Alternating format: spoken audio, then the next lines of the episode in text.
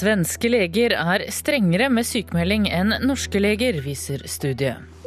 Og roren Olav Tufte er svært spent foran sommer-OL i Rio, som åpner i dag. Her er NRK Dagsnytt klokka sju. Svenske og nederlandske leger er strengere enn sine norske kolleger når det kommer til sykemeldinger. Det viser en studie der leger i fem ulike land har vurdert pasienter med samme symptomer. En av årsakene kan være at norske fastleger er tettere knyttet til pasienten. Det kan føre til eh, bindinger som eh, gjør det vanskeligere å la være å sykmelde når pasienten ber om det. Professor og fastlege Erik Werner har ledet et forskningsprosjekt som for første gang lar leger i fem ulike land vurdere arbeidsevnen til de samme pasientene. Den pasienten som eh, i Norge, Frankrike og Danmark ville ha fått en sykemelding, vil med mindre sannsynlighet ha fått det i Sverige og i Holland. Reporter her, Siv Sandvik. Nordmannen som er siktet for trusler mot politiet i USA, kan få opptil fem års fengsel og en bot på over to millioner kroner.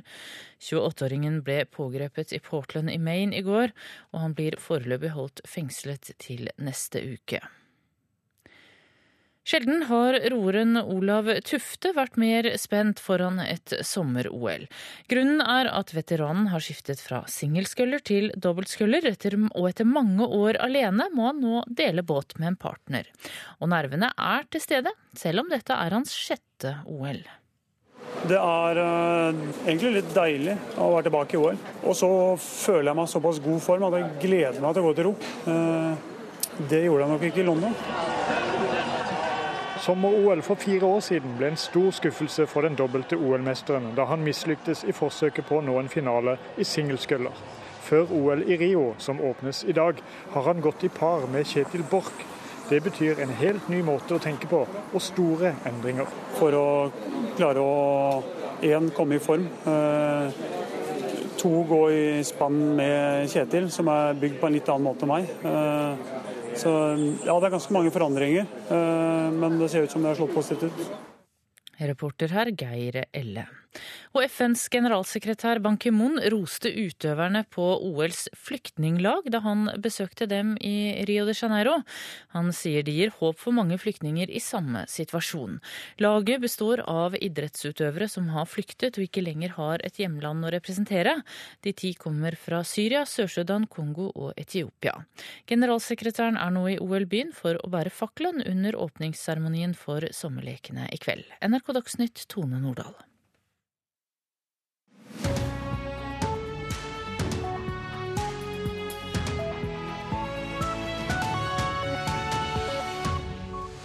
Og Her tar Øystein Heggen deg videre i Nyhetsmorgen. Barack Obama lover at USA skal fortsette kampen mot IS aggressivt på alle fronter. Hva mener Legeforeningen om at svenske leger er strengere med sykemelding enn norske? Og I dag åpner altså de olympiske leker. Vi skal møte en veteran som deltok i 1952, som mener det var mer idrettsglede den gang. Ja, USA lover å fortsette kampen mot eh, IS eh, aggressivt, men det er vanskelig å gardere seg mot ensomme ulver. Det sier president Barack Obama etter eh, et møte med den amerikanske forsvarsledelsen.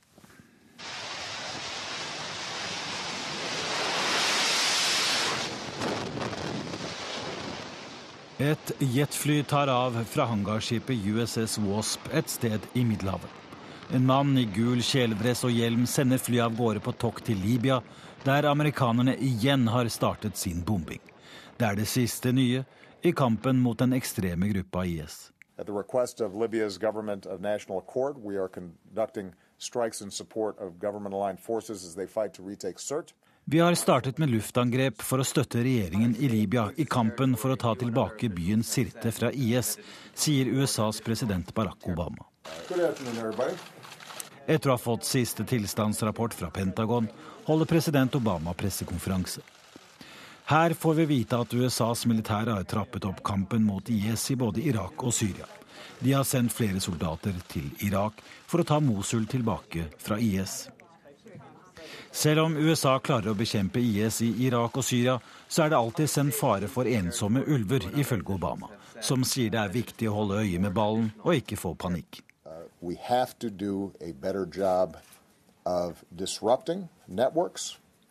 Vi må gjøre en bedre jobb med å knuse terrornettverkene, som er mer aktive i Europa enn i USA, sier Obama.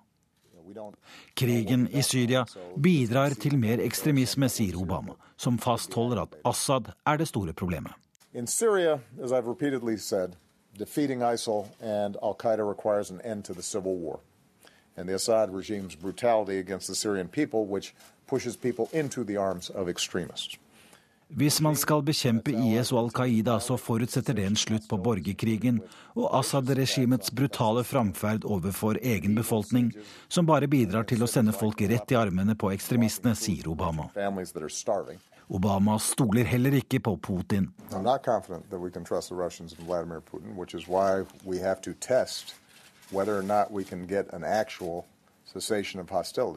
Jeg er ikke overbevist om at vi kan stole på russerne eller Vladimir Putin. Og deler å få en slutt på bombingen som fører til sivile ødeleggelser og død. Russernes involvering i kampene reiser alvorlige spørsmål ved om de er villige til å få situasjonen ut av avgrunnen, sier Obama. Og det var eh, Øyvind Nyborg som var reporter her. Så tar vi en titt på avisene. Minstestraffen for voldtekt har økt fra to til tre år, men advokat Harald Stabel frykter at eh, straffeskjerpingen fører til at færre blir dømt. Til Klassekampen sier han eh, det høye straffenivået kan påvirke hvordan dommerne bedømmer skyldspørsmålet. Politikerne kan gjennom så strenge lover og straffer ha oppnådd det motsatte av det man ønsket, sier Stabel. Det er så vanskelig å få studentbolig i Oslo at man må imponere på visning for å få tilslag, sier daglig leder i Leieboerforeningen, Lars Aasen, til Aftenposten. Se på visningen av bolig som et jobbintervju, sier han. Og det krangles om hvem som har skylda for at 7000 studenter mangler bolig i Oslo, skriver Dagsavisen. Manglende finansiering fra regjeringen, sier Arbeiderparti-byråd Tone Tellevik Dahl. Men boligdirektør i Studentsamskipnaden, Trond Bakke, sier plan- og bygningsetaten er flaskehalsen. Avisa Dagen har besøkt landsbyen Al-Kush i det nordlige Irak, som slapp unna IS-angrep. Der har hundrevis av kristne familier søkt tilflukt.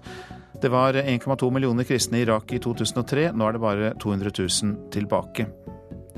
Til bildet av en gruppe svenske turister foran Nidarosdomen forteller Adresseavisen om tidenes turistsommer i Midt-Norge. Rekorder står for fall. Hoteller, campingplasser, turisthytter og restauranter melder alle om stor aktivitet i år. Toppkarakter fra Mattilsynet, skriver Stavanger Aftenblad om sju av ti serveringssteder i Sør-Rogaland. Der får de smilefjes, mens det bare er fire av ti som oppnår det samme på Østlandet. Det er litt som å spille i Premier League, sier 23 år gamle Mathias Ville, som er en av de utvalgte i oljefondets trainee-program. Det kan vi lese om i Dagens Næringsliv. 900 søkte, men bare seks ble plukket ut. Nå får de mulighet til å jobbe i London, Singapore og New York. I tillegg sponser oljefondet en ekstra masterutdanning ved, ved en internasjonal eliteskole. Svenske og nederlandske leger er strengere enn sine norske kolleger med å skrive ut sykemelding. Det viser en studie der leger i fem ulike land har vurdert de samme pasienthistoriene. En forklaring kan være at norske fastleger er tettere knyttet til pasientene, sier lederen av forskningsprosjektet. Det kan føre til eh, bindinger som eh, gjør det vanskeligere å la være å sykmelde når pasienten ber om det. Professor og fastlege Erik Werner har ledet et forskningsprosjekt som for første gang lar leger i fem ulike land vurdere arbeidsevnen til de samme pasientene. Den pasienten som eh, i Norge, Frankrike og Danmark ville ha fått en sykemelding, vil med mindre sannsynlighet ha fått det i Sverige og i Holland. Skuespillere har framført sanne historier fra ekte pasienter på film, og ut fra det har legene tatt stilling til om de har villet sykemeldt pasienten eller ikke. Det er det vi kaller uspesifikke helseplager som går igjen i disse pasienthistoriene. Det er altså vondter, plager, smertetilstander uten en spesiell årsak. Stort sett var legene som deltok i undersøkelsen enig. Men forskerne fant at norske, danske og franske leger var mer tilbøyelige til å gi sykemelding enn svenskene og nederlenderne. Hvorfor er det sånn? Når det gjelder Nederland, har de et helt annet system enn de andre. Der er det ikke pasientens fastlege, men arbeidsmedisinere fra forsikringsselskapet eller arbeidsgiver som bestemmer sykemelding. Deres agenda er utelukkende å se strengt på sykemeldingsgrunnlaget. Det tenker vi nok kanskje også vil påvirke deres vurderinger av eh, sykemeldingstilfellene. For Sverige kan en forklaring være at allmennlegene der ikke er privatpraktiserende som får lønn etter hvor mange pasienter de har, men offentlig ansatte på fastlønn. Tidligere forskning har vist at norske leger kan føle seg pressa til å skrive ut sykemeldinger fordi lønna deres avhenger av hvor mange pasienter de har. Kanskje har det noe med organiseringen av eh, de svenske sjukvården å gjøre, der hvor legene mer inngår i et slags eh, team med mange andre helseaktører. De sitter ikke så alene med pasienten som eh, vi gjør i Norge og, Danmark og Frankrike. De siste tallene viser at over 6% av norske arbeidstakere er sykemeldt, og politikerne er skjønt enige om at det tallet må ned. Dersom formålet er å redusere sykefraværet, så kan det være et poeng å innføre en modell mer lik Sverige og, og Holland. Men samtidig så må man da vurdere om forskjellene er så store at det faktisk er lønnsomt å gjøre det, og om det blir riktigere vurderinger av sykepengetilfellene. Og Vel, det er ikke jeg helt sikker på. Werner er ikke overbevist om at samfunnet tjener på at norske leger blir mer restriktive. Hadde det vært så enkelt som at vi dermed visste at disse menneskene ville forbli yrkesaktive, så var det for så vidt eh, greit. Men det vet vi ikke. De kan like gjerne skyves ut av velferdsordningen og ut i intet, og skape større forskjeller mellom menneskene. Professor Erik Werner som ledet forskningsprosjektet, og reporter var Siv Sandvik. Kjartan Olafsson, sentralstyremedlem i Legeforeningen og fastlege i Florø, velkommen til sendingen. Takk. Nederland og Sverige, der er de strengere enn i Norge. Hva tror du er grunnen til det?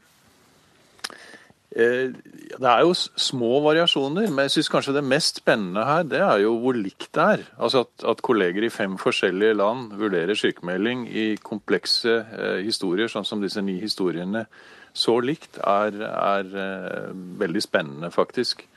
Men, men, noen forskjeller er det, sånn som ble sagt i introduksjonen. Og jeg tror forskjellene eh, skyldes noe av det som ble sagt i introduksjonen, at i Nederland så er, så er det jo slik at det er folk med lojalitet for arbeidsgiver og trygdekassa først og fremst som vurderer, mens vi i Norge og Sverige er nærere pasienten. I Sverige er det slik at, at, man er mindre opptatt av gradert eller delvis sykemelding. Det er en hovedstrategi i Norge. Eh, og folk med uspesifikke lidelser, slapphet, trøtthet, vondter, de blir ofte gradert sykemeldt for å tilpasse seg eh, plager. Og de vil havne i den søylen sykemeldt i studien til Werner. Eh, mens det kanskje er en ønsket sykemelding. Men uh, bør vi lære av dette i Norge, og kanskje være noe strengere, noe hardere i klypa enn det vi er? Ja, Det er jo ikke sikkert at det handler om å være streng, men det handler kanskje mer om å eh, bruke litt mer tid og krefter i dialog med pasienten. Altså finne gode løsninger sammen. Og gode løsninger de innebærer jo at man skal opprettholde aktiviteten så mye man kan, holde seg i arbeid. Eh, involvere arbeidsplassen bedre. Legeforeningen har jobbet kontinuerlig med myndighetene de siste årene for å finne bedre verktøy og metoder for å, å øke kvaliteten i dette arbeidet. Nå sist så har vi samarbeidet om en diagnoseorientert beslutningsstøtte som vi tror kan hjelpe. Ja, Du har deltatt i det arbeidet, og eh, de skal jo da gi denne faglige støtten til leger. Hvordan kan det bidra til at de blir flinkere da til å finne alternativer til sykemelding? Vi tror at det, det, vil skje på to måter. Eh, og Først og fremst vil det skje når vi får integrert dette verktøyet i vår eh, arbeidsflate, når vi sitter med pasienten i vår journal. Det vil være at man kan slå opp der hvor man er usikker. Særlig kanskje unge leger lurer på hvor lenge kan man være sykemeldt etter en brokkeoperasjon. Er det farlig å ta i og løfte etter en uke osv. Kan du slå opp og få faglig råd. Og det andre er jo at skal man lage disse gode dialogene med pasientene, så må man kanskje ta opp noe og se på det sammen. Kan man titte på det som står om eh, en diagnose, diskutere det, finne løsninger kanskje på en annen måte enn tidligere. Syns du det er positivt i all hovedsak at norske fastleger følger pasienten over tid, blir kjent med dem? Jeg har vært i samme praksis i 30 år i en, i en liten by, Florø. Og, og, jeg syns det er utelukkende positivt. Jeg kjenner pasientene mine, familieforholdene, hvor de jobber en Eh, litt hvordan de tenker. Selvfølgelig kan man innvende at man kan bli fordomsfull. Eh, at man kan bli redd for å krenke. Men jeg, jeg oppfatter det motsatt. At det, det, er lettere for meg å ta diskusjoner med mine pasienter fordi de, de, de kjenner meg òg. Og jeg kan utfordre dem hvis man gjør det på riktig måte. Så jeg, jeg tror at det handler veldig mye om arbeidsmetoder. Om, om, det, om et langvarig forhold eh, er positivt eller negativt når det gjelder det å utfordre folk. Folk vil vel gjerne ha faglige råd, og noen ganger kommer man fram til andre løsninger enn det de hadde selv når de kom inn på kontoret. Kjartan Olafsson, takk skal du ha. Fastlege i Florø altså, og sentralstyremedlem i Legeforeningen. Dette er Nyhetsmorgen, og vi har disse hovedsakene. Svenske og nederlandske leger er altså strengere enn sine norske kolleger med å skrive ut uh, sykemeldinger. Det viser en studie der leger i fem ulike land har vurdert samme pasienthistorie. Men vi hørte altså at Kjartan Olofsson, sentralstyremedlem i Legeforeningen syns at det var eh, veldig mye som også var likt i vurderingene. USA lover å fortsette kampen mot IS aggressivt på alle fronter. Det sier president Barack Obama etter et møte med den amerikanske forsvarsledelsen. Og Den olympiske komité bekrefter at 118 russiske utøvere ikke får delta under OL i Rio de Janeiro. 271 russiske utøvere får dermed grønt lys til å delta. Og det bringer oss selvfølgelig til eh, OL, som åpner i dag i Rio de Janeiro. Prislappen er på over 100 milliarder norske kroner. Forventningene er høye når verden vender blikket mot eh, Brasil de neste 16 dager. En smilende funksjonær i signalgul og grønn jakke ønsker velkommen. Like før det braker løs står 37 arenaer mer eller mindre klare som her i hjertet av leikene, nemlig OL-parken, hvor 13 av i alt 28 OL-øvelser skal foregå. Overveldende. Eh, det er mitt første OL, så for meg så føles alt bare ekstremt stort. Prøver ikke å bli sånn altfor overveldet om at det er et OL. Vi prøver jo å tenke på det som en vanlig konkurranse. Sier håndballkaptein Stine Bredal Oftedal og svømmer Henrik Kristiansen. Men det her er langt fra noe vanlig konkurranse. OL er svært, bare hør her. 10 500 utøvere fra 206 land skal konkurrere om nesten 5000 medaljer. Tall som også fascinerer idrettspresidenten. Det er jo en stor by, og alt blir snudd på hodet. Det er fem ganger større enn et vinter-OL. og det vil si noe om størrelsen på dette. Since I arrived from the airport, it started like everything. It's, uh, there is the Olympics and the... Dana har reist til Brasil for å jobbe med lekene. Hun er en av 70 000 frivillige som skal bidra til å få OL-hjulene til å rulle de neste 16 dagene. Svimlende 100 milliarder norske kroner er den foreløpige prislappen. The, the is, you know? Joel er strandselger på Copacabana. Som mange andre brasilianere er han lite begeistra for prisen landet må betale for lekene. Mm, no, no, no, Økonomisk nedtur, politiske skandaler og zikavirus. Vertsnasjonen er nede i en skikkelig bølgedal. Men når OL-ilden tennes i dag, vender verden blikket mot Brasil. Et Brasil som vil komme bedre ut av det, skal vi tro en av landets store stjerner, Ronaldo. I think it's great to have an Olympic game and in Rio because uh, I think um, it's gonna help us to grow up. Tusenvis av TV-timer skal sendes verden over. Når det kommer til sport, så blir det ikke særlig større enn sommer-OL. Men tilbake på Copacabana spiller det ingen rolle. Are you going to watch the Olympics no, not, not really not. Og hun som fanget opp synspunkter i Rio de Janeiro, var Kristine Norvik Skeide.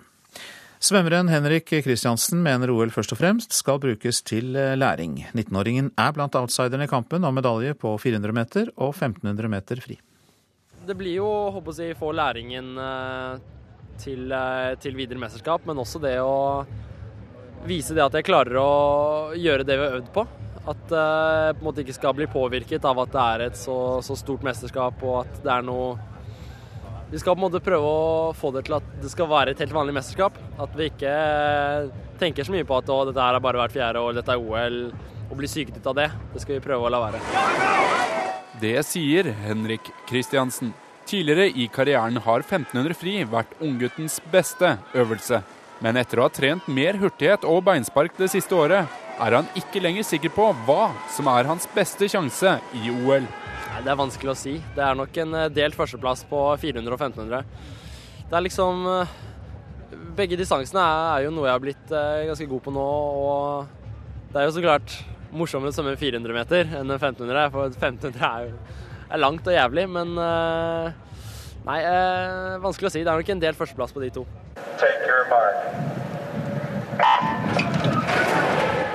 Kun én gang tidligere har Kristiansen deltatt i et internasjonalt mesterskap uten å sette norsk rekord. Derfor forbereder teamet seg som de alltid har gjort. Jeg tror ikke det er smart å gjøre måte, noe nytt og eksperimentere noe nå før et OL. Det, nå har vi rett og slett bare terpet på det vi vet funker og det vi er gode på. Og Henrik Kristiansen åpner OL med 400 meter fri på lørdag. Reporter Halvor eh, Ekeland. Cato Brattbakk, hjertelig velkommen. Tusen takk. Du er president i Norges eh, svømmeforbund, og det var jo godt å høre at eh, selv svømmere på det nivået syns det er forferdelig langt å svømme 1500 meter. Eh, hvordan vil du karakterisere Henrik Kristiansen, som vi nettopp hørte? Nei, Henrik er en komplett utøver. Han liker å trene, han liker i hvert fall å konkurrere. Og jeg tror at et OL og det føsset som er rundt et slikt type stevner, det passer Henrik helt utmerket. Hvordan er hans og andre svømmernes sjanse til å ta, sanke medaljer? Jeg tror vi skal være litt edruelige i forhold til dette OL-et. Husk på, Henrik har som mål Tokyo 2020. Eh, og det har han hatt lenge. Eh, og det tar litt tid å kunne prestere på et så høyt eh, nivå. Men det er klart, Henrik har blitt veldig god. 400 og 1500 meter, som han selv sier. Han har den åttende beste påmeldingstiden til 1500 meter, og han har ellevte beste påmeldingstiden til 400 meter. Så det er klart, eh, vår målsetting er å få Henrik til finale. Så hvis han svømmer sitt eh, beste løp noensinne i 400 og 1500, så, så er han der. Men kan han eh, ha truffet planken litt for tidlig, siden han har gjort det veldig bra på trening, at han har nådd toppformen eh, for tidlig?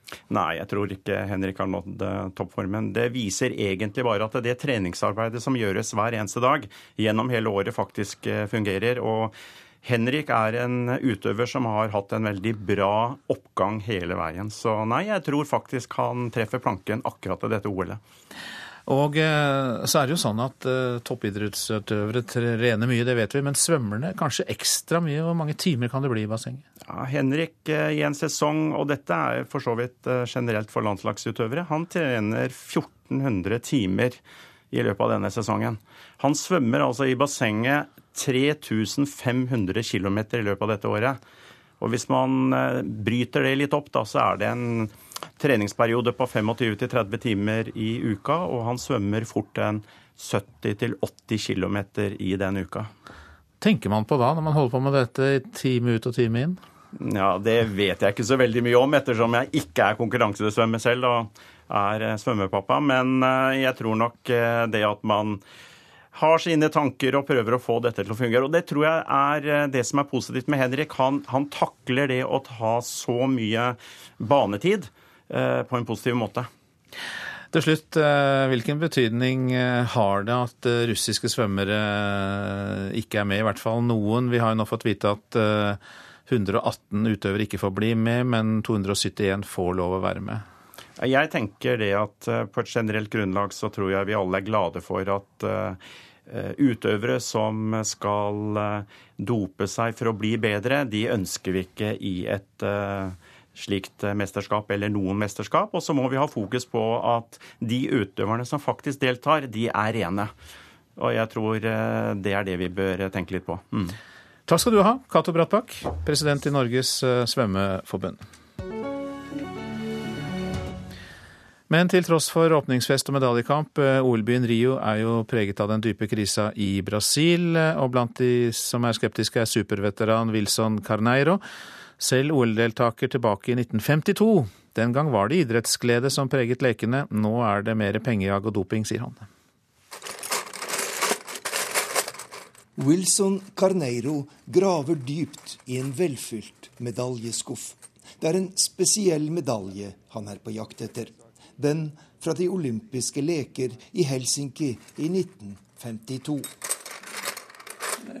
Og endelig finner han den. En stor, brun mynt med teksten 'Deltakermedalje 400 meter hekk'. Dessverre kom jeg ikke til finalen, sier han.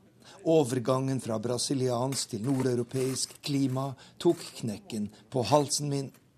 Men reisen til Finland var et minne for livet, sier den i dag 86 år gamle pensjonisten her i Rio de Janeiro. Levamos dois dias para chegar lá em Helsinki. Vi brukte to døgn på flyturen fra Rio til Helsinki. Først til Recife i Nord-Brasil, så til Dakar i Vest-Afrika, deretter til Frankrike, før vi endelig kunne sette kursen mot Finland. Men det var jo en eventyrreise for en 22 år gammel gutt fra Rio som aldri hadde vært i Europa før. Og finnene var et utrolig hyggelig vertskap, minnes den daværende landslagsutøveren.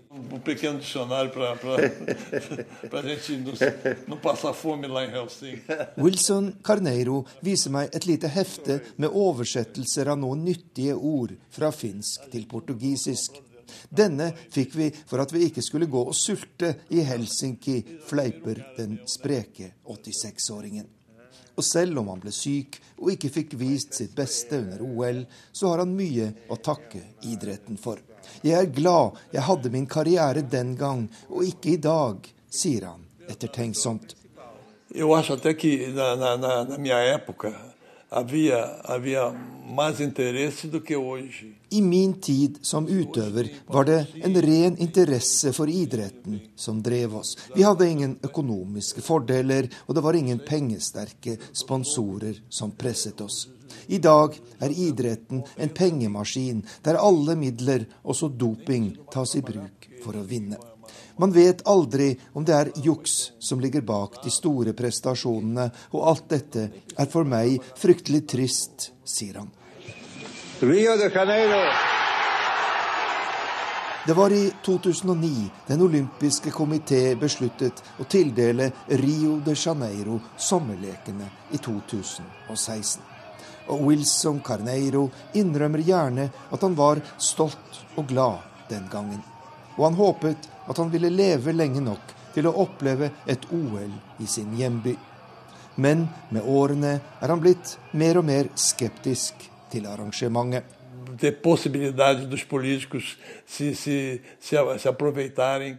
Store arrangementer gir politikerne muligheter til å berike seg.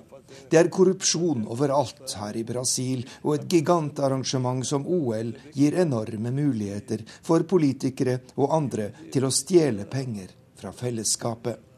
Dessuten har jo økonomien her i Brasil vært i sterk nedgang de siste årene, og i dag mener jeg det er helt feil å bruke så mye penger på et slikt arrangement, sier den tidligere OL-utøveren.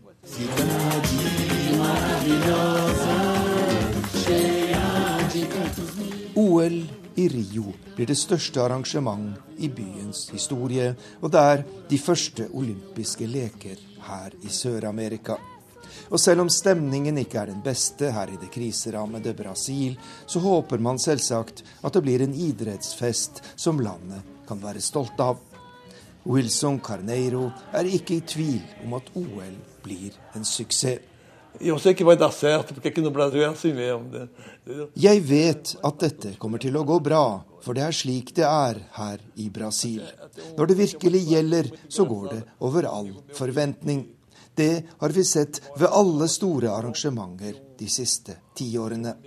Men likevel mener jeg altså at det er feil at et land i dyp krise og med så store uløste oppgaver skal bruke så mye penger på et OL, sier Wilson Carneiro, OL-utøver for Brasil for 64 år siden.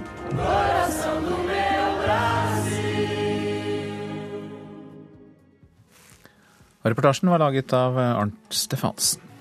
Du lytter til Nyhetsmorgen. Vår politiske sommergjest i dag er Arbeiderpartileder Jonas Gahr Støre, som kommer til oss før han drar på AUFs sommerleir på Utøya. Vi skal også høre hva Siv Jensen og Trine Skei Grande har funnet ut på sin tur til Canada. Og eh, ikke nok med det, den neste halvtimen etter Dagsnytt skal vi også få møte Ole Edvard Antonsen, som startet sin karriere som musiker i Ungdomssymfonikerne, og som nå er tilbake.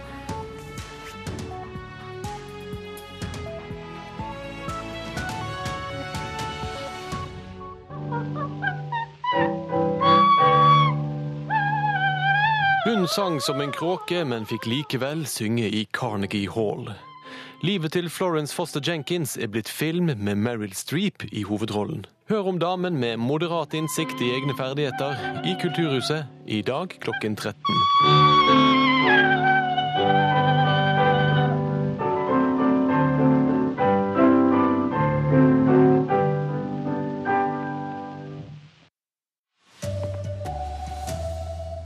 118 russiske idrettsutøvere utestenges fra OL. Svenske leger er strengere med sykemelding enn norske leger, viser studio. Og USA skal fortsette kampen mot IS, sier president Barack Obama.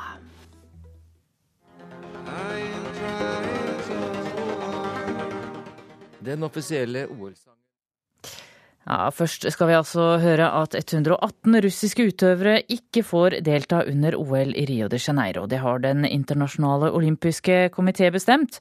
Men tross dopingskandalen i Russland, så får 271 russiske utøvere lov til å delta i mesterskapet.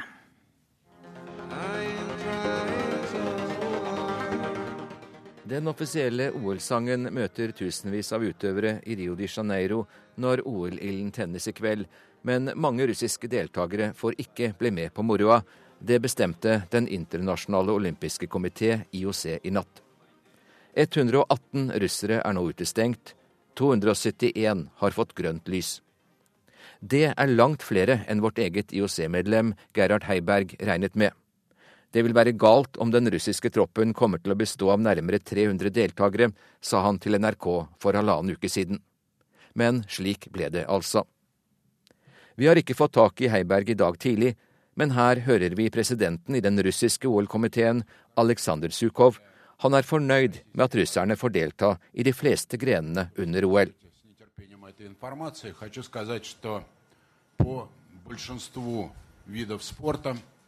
IOCs beslutning i natt kommer etter at en rapport har avslørt statsstyrt doping i Russland. Etter denne avsløringen har et eget panel i IOC gått gjennom lister av samtlige påmeldte russere, og avgjørelsen er tatt på bakgrunn av de enkelte internasjonale særforbundenes beslutninger for hver utøver. Nattens avgjørelse betyr at samtlige russiske friidrettsutøvere er utestengt. Det samme gjelder samtlige russiske vektløftere. Og selv om den russiske troppen blir større enn først antatt, så må vi helt tilbake til OL i Stockholm i 1912 for å finne en mindre russisk OL-tropp enn den som går bak det russiske flagget under kveldens åpningsseremoni i Rio de Janeiro. Reporter Hans Jørgen Solli. Svenske og nederlandske leger er strengere enn sine norske kolleger når det kommer til sykemeldinger. Det viser en studie der leger i fem ulike land har vurdert pasienter med samme symptomer. En forklaring kan være at norske fastleger er tettere knyttet til pasienten. Det kan føre til eh, bindinger som eh, gjør det vanskeligere å la være å sykmelde når pasienten ber om det. Professor og fastlege Erik Werner har ledet et forskningsprosjekt som for første gang lar leger i fem ulike land vurdere arbeidsevnen til de samme pasientene. Skuespillere har framført sanne historier fra ekte pasienter på film, og ut fra det har legene tatt stilling til om de har villet sykemeldt pasienten eller ikke. Den pasienten som eh, i Norge, Frankrike og Danmark ville ha fått en sykemelding, vil med mindre sannsynlighet ha fått det i Sverige og i Holland. Hvorfor er det sånn? Når det gjelder Nederland, har de et helt annet system enn de andre. Der er det ikke pasientens fastlege, men arbeidsmedisinere fra forsikringsselskapet eller arbeidsgiver som bestemmer sykemelding. Det tenker vi nok kanskje også vil påvirke deres vurderinger av eh, sykemeldingstilfellene. For Sverige kan en forklaring være at allmennlegene der ikke er privatpraktiserende som får lønn etter hvor mange pasienter de har, men offentlig ansatte på fastlønn.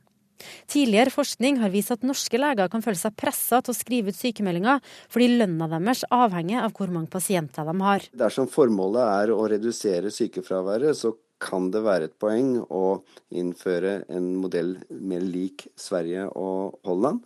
Men samtidig så må man da vurdere om forskjellene er så store at det faktisk er lønnsomt å gjøre det, og om det blir riktigere vurderinger av sykepengetilfellene. Og Vel, det er ikke jeg helt sikker på. Reporter her var Siv Sandvik. Norske voldtektsstraffer er for strenge. Det sier forsvarsadvokat Harald Stabel til Klassekampen. Han mener straffen for voldtekt er blitt så streng at det kan påvirke hvordan dommerne vurderer skyldspørsmålet, og han trekker særlig frem lekdommere. Minstestraffen for voldtekt er nå tre år i fengsel. IS vil trolig fortsatt true både USA og Europa, selv om de blir nedkjempet i Syria og Irak. Det sier USAs president Barack Obama, som advarer mot såkalte ensomme ulver.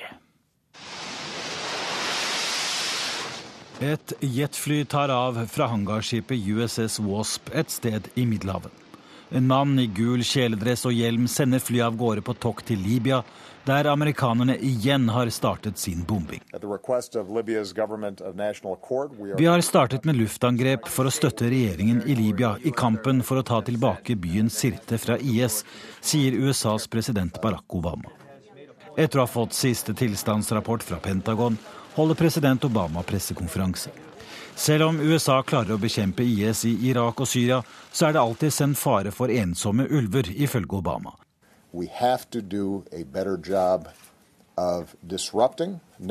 Vi må gjøre en bedre jobb med å knuse terrornettverkene, som er mer aktive i Europa enn i USA, sier Obama. Krigen i Syria bidrar til mer ekstremisme, sier Obama, som fastholder at Assad er det store problemet. Hvis man skal bekjempe IS og Al Qaida, så forutsetter det en slutt på borgerkrigen og Assad-regimets brutale framferd overfor egen befolkning, som bare bidrar til å sende folk rett i armene på ekstremistene, sier Obama. Obama stoler heller ikke på Putin. Jeg er ikke overbevist om at vi kan stole på russerne eller Vladimir Putin. Russernes involvering i kampene reiser alvorlige spørsmål ved om de er villige til å få situasjonen ut av avgrunnen, sier Obama. Reporter i dette innslaget var Øyvind Nyborg. Den canadiske ordningen med avgift på CO2-utslipp kan ikke uten videre overføres til Norge. Det sier finansminister Siv Jensen, som er på studietur i Canada med venstreleder Trine Skei Grande. Jensen sier det gjør inntrykk å se hvordan canadiske myndigheter har innført miljøavgifter, og så satt ned andre skatter samtidig. Det er jo den største utfordringen hvis man skal sammenligne det de har gjort her med Norge, er at her innførte de en avgift uten å ha noe fra før. Eh, I Norge så har vi allerede mange miljøavgifter, og de er ganske høye, mange av de også. Sånn at direkte sammenlignbart er det ikke. Men det viktigste prinsippet vi kom hit for å undersøke, var jo om eh, folk setter pris på et ekte løfte fra politikere hvor de sier at ja, nå skal vi øke denne avgiften. Men pengene gir vi tilbake til deg igjen i form av andre lettelser. Det er store skilnader mellom Canada og Norge, sier Trine Skei Grande.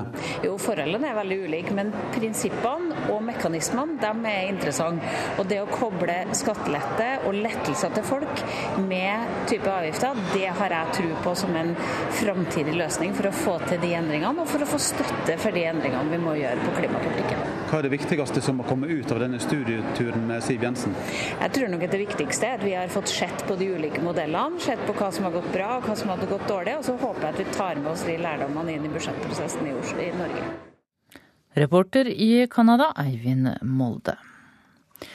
Sjelden har roeren Olav Tufte vært mer spent foran et sommer-OL. Grunnen er at veteranen har skiftet fra singelsculler til dobbeltsculler, og etter mange år alene skal han nå dele båten med en partner. Nervene er til stede, selv om dette er hans sjette OL. Det er uh, egentlig litt deilig å være tilbake i OL. Og så føler jeg meg såpass god form at jeg gleder meg til å gå til ro. Uh, det gjorde jeg nok ikke i London. Sommer-OL for fire år siden ble en stor skuffelse for den dobbelte OL-mesteren da han mislyktes i forsøket på å nå en finale i singelskøller. Før OL i Rio, som åpnes i dag, har han gått i par med Kjetil Borch. Det betyr en helt ny måte å tenke på, og store endringer. Jeg har nok gjort uh, mange ting som jeg har forandra litt på, ja. Det har jeg. Uh, for å klare å én komme i form. Uh, to gå i spann med Kjetil, som er bygd på en litt annen måte enn meg. Så ja, det er ganske mange forandringer, eh, men det ser ut som det har slått positivt ut. Men Kjetil Borch har lang erfaring og har hjulpet og beroliget Tufte på veien til OL.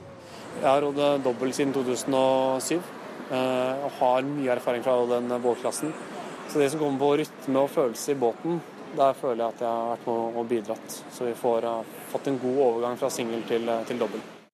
Reporter var Geir Elle. Åpningsseremonien i OL den er i kveld. Ansvarlig for Dagsnytt Arne Fossland. I studio Tone Nordahl.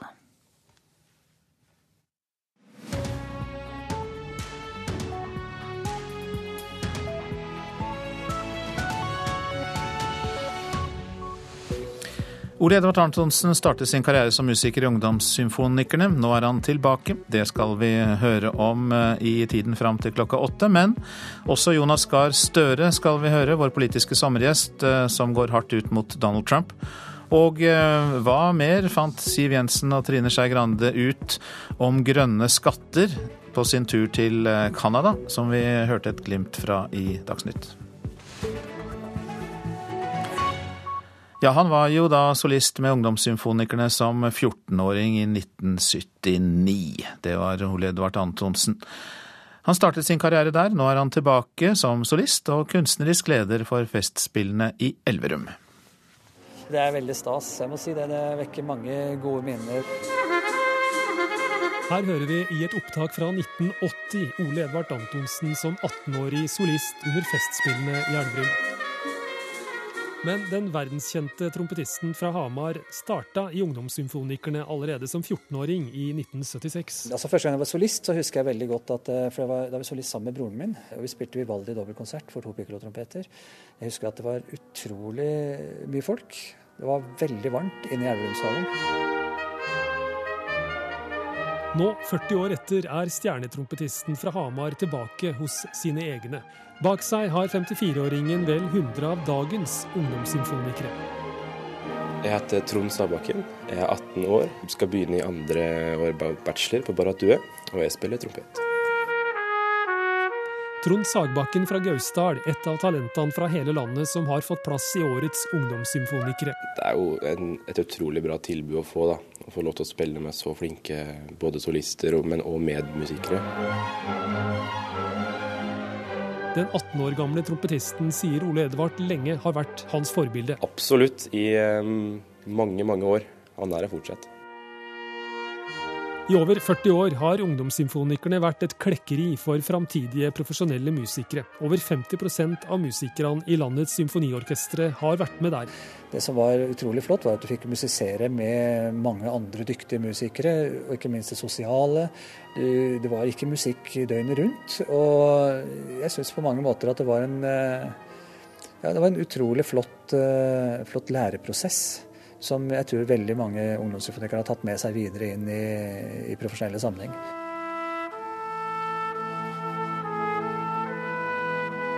Nå er den anerkjente solisttrompetisten tilbake som ny kunstnerisk leder for Festspillene i Elverum. Det betyr veldig mye både for uh, ungdomssymfonikerne og og Festspillene å ha en kunstnerisk leder på et så høyt internasjonalt nivå. Han er jo i verdensklasse og har et hjerte for, eh, for festivalen og ungdomssymfonikerne. Sier daglig leder for Ungdomssymfonikerne Katrine Halland Berling. Den 18-årige trompetisten Trond Sagbakken har sine personlige forhåpninger til den nye kunstneriske lederen. Kanskje vi kan få noe mer trompet, da. I kveld er Ole Edvard Antonsen igjen solist med Ungdomssymfonikerne på åpningskonserten under Festspillene i Elverum. Og målet til den nye kunstneriske festspillederen er klart. Få frem enda større deler av kontrastene innenfor de ulike sjangerne musikk. Og, og gjøre ulike sjangere kanskje på en og samme konsert med ulike utøvere. Og ikke minst det å prøve også prøve å bidra til at man får litt mer fokus på Festspillene på Elverum, så at menigmann rundt omkring i Norges land, og kanskje utafor Norge, vet hva det er.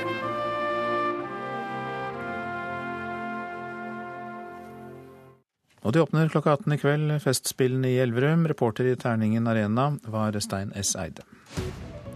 Dette er hovedsaker i Nyhetsmorgen. Den olympiske komité bekrefter at 118 russiske utøvere ikke får delta under OL i Rio de Janeiro, men til tross for dopingskandalen får 271 russiske utøvere grønt lys.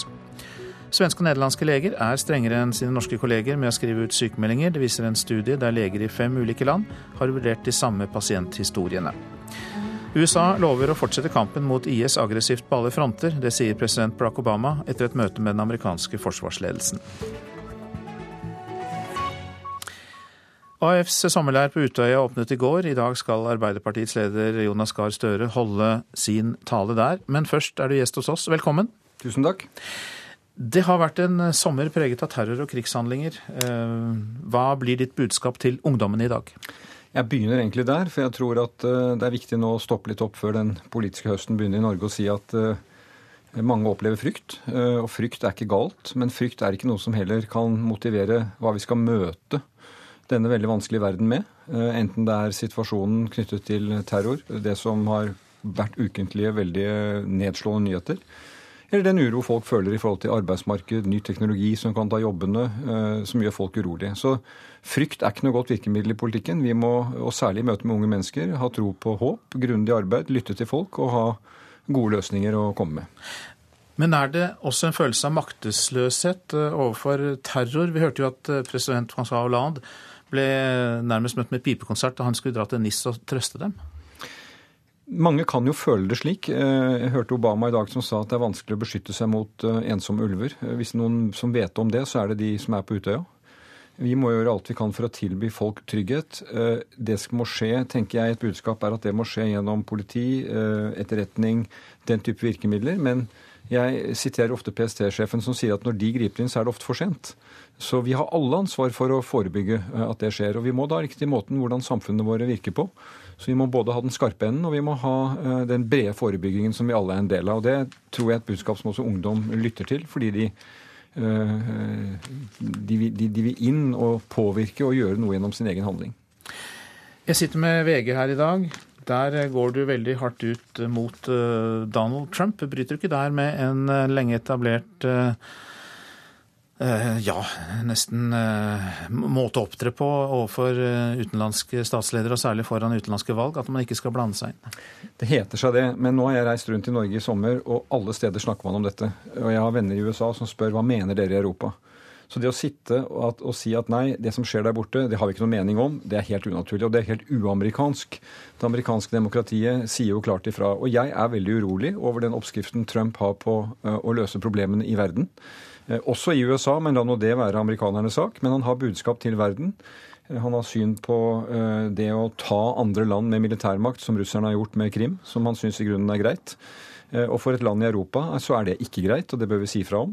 Og på en lang rekke områder så mener jeg at nettopp i en tid hvor vi skal prøve å motvirke frykten, og det er jo et gammelt sånt ordtak i amerikansk politikk at vi må frykte frykten, så, så syns jeg det er naturlig å si fra om det, at det vi ser ikke er greit, og det er urovekkende.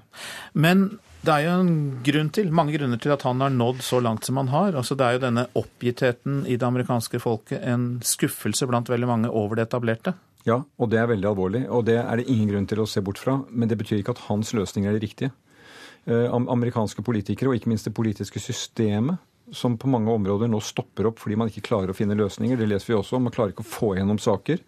Det er en bred debatt. Men derfra til å si at derfor er han, med hans løsninger, som er enstavelsesord. Grupper mot hverandre, bygge murer mot verden, si opp avtaler, si opp klimaavtalen.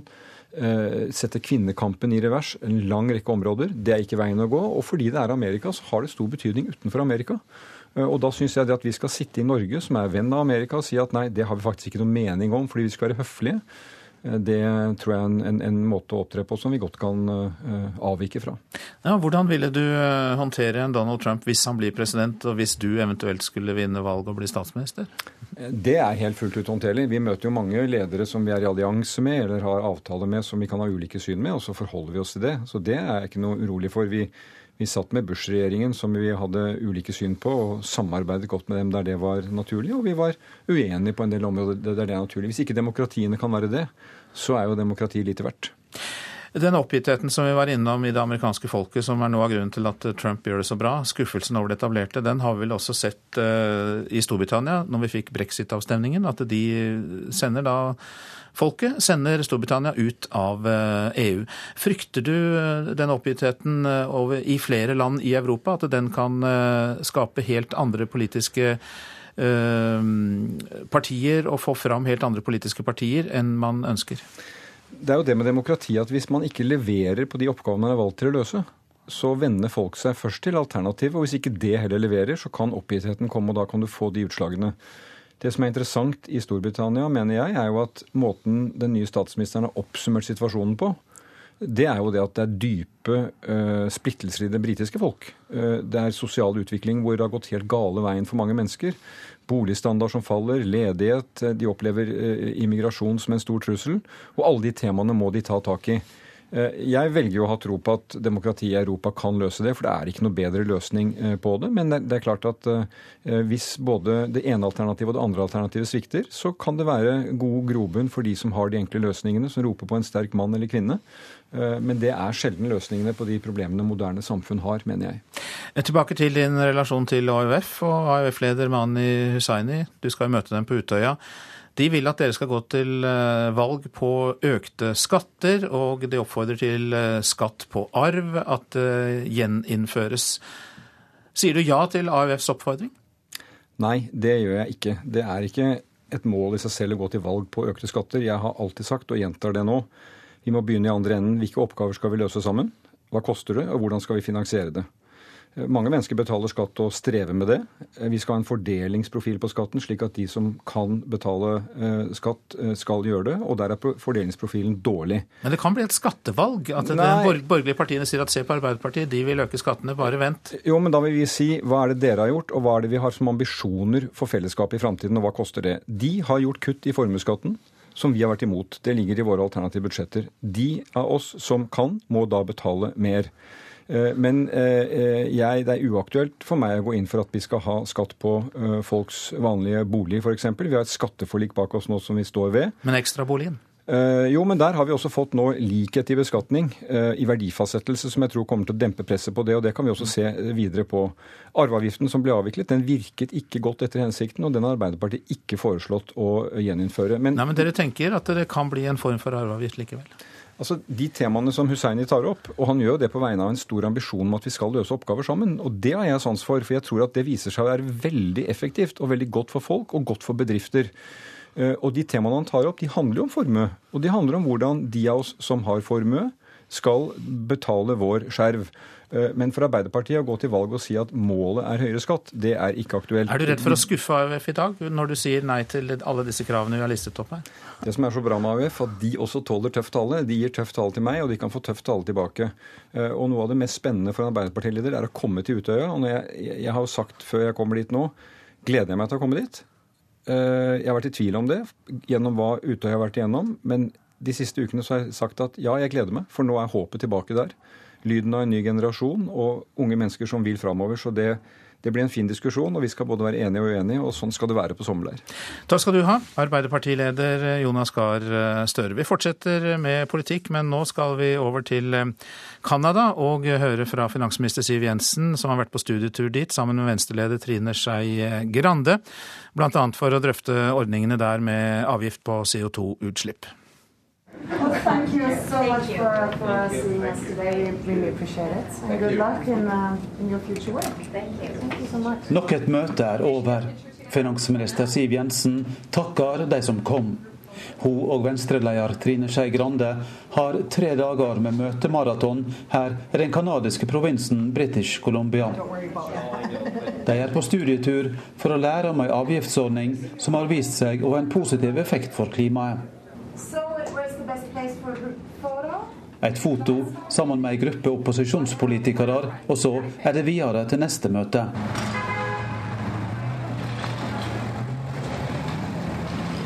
Biltrafikken er en viktig kjelde til klimagassutslipp. Her i British Columbia ble det i 2008 dyrere å fylle diesel og bensin. Da innførte de en såkalt karbonskatt, eller en miljøavgift på CO2-utslipp. Bl.a. er det lagt avgifter på diesel og bensin og flydrivstoff. Det spesielle er at disse pengene blir ført tilbake til bedrifter og vanlige skattebetalere gjennom reduserte skatter og avgifter. Samla sett blir altså ikke skattene og avgiftene høyere. Well, carbon taxes have initially proved to be controversial, but as people get used to them, they prove to be quite acceptable. And so, what we have found here in British Columbia is that if our Avgiftsordninga var omstridt i starten, men etter hvert er den akseptert, sier Andrew Wilkinson, minister i provinsregjeringa. Det vi har funnet ut her i British Columbia, er at folk vil akseptere ordninga dersom de ser at avgiftene er rettferdige.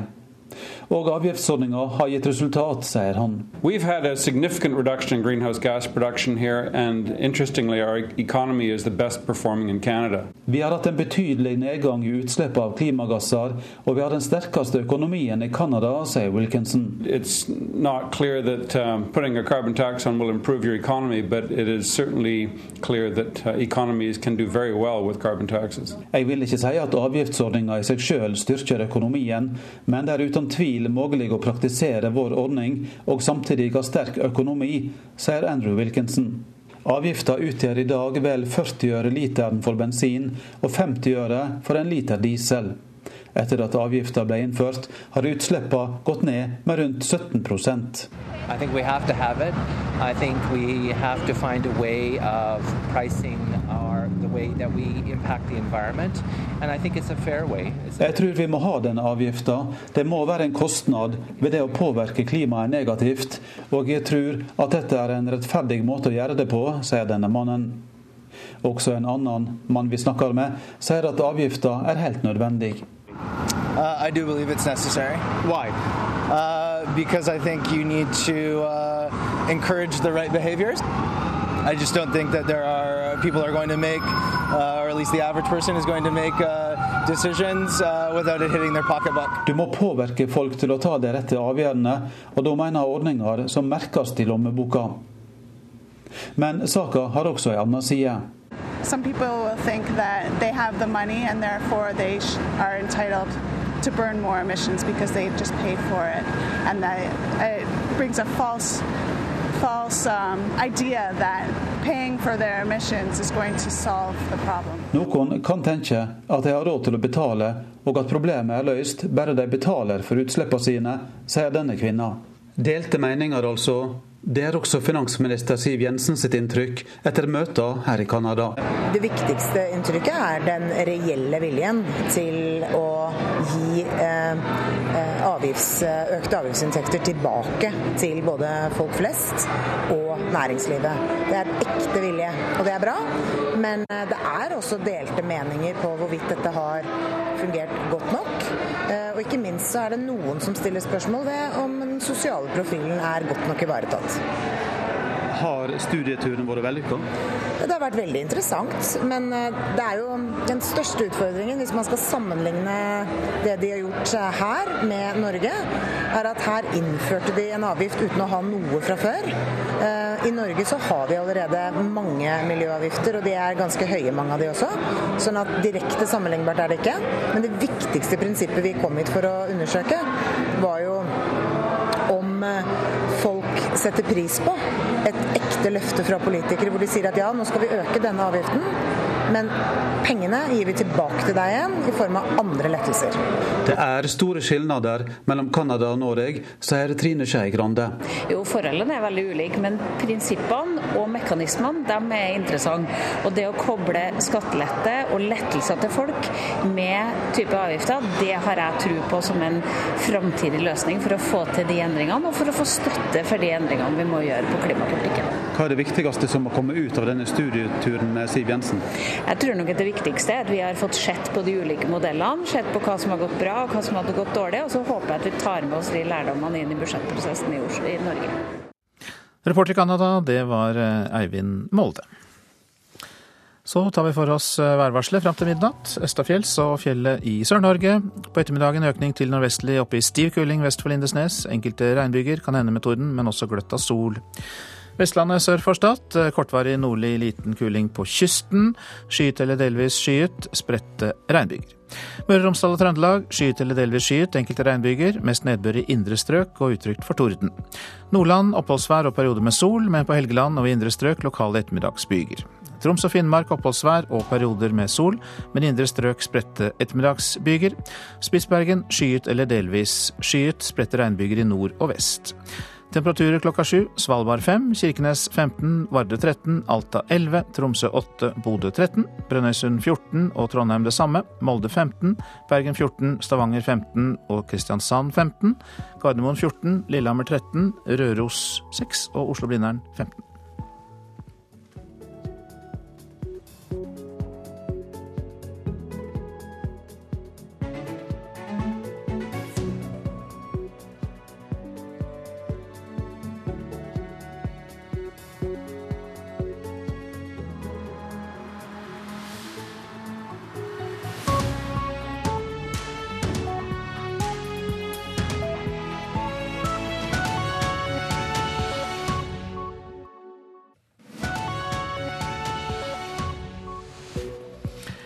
Her i Nyhetsmorgen skal du få høre at Donald Trump snart har tatt igjen Hillary Clintons pengeinnsamling.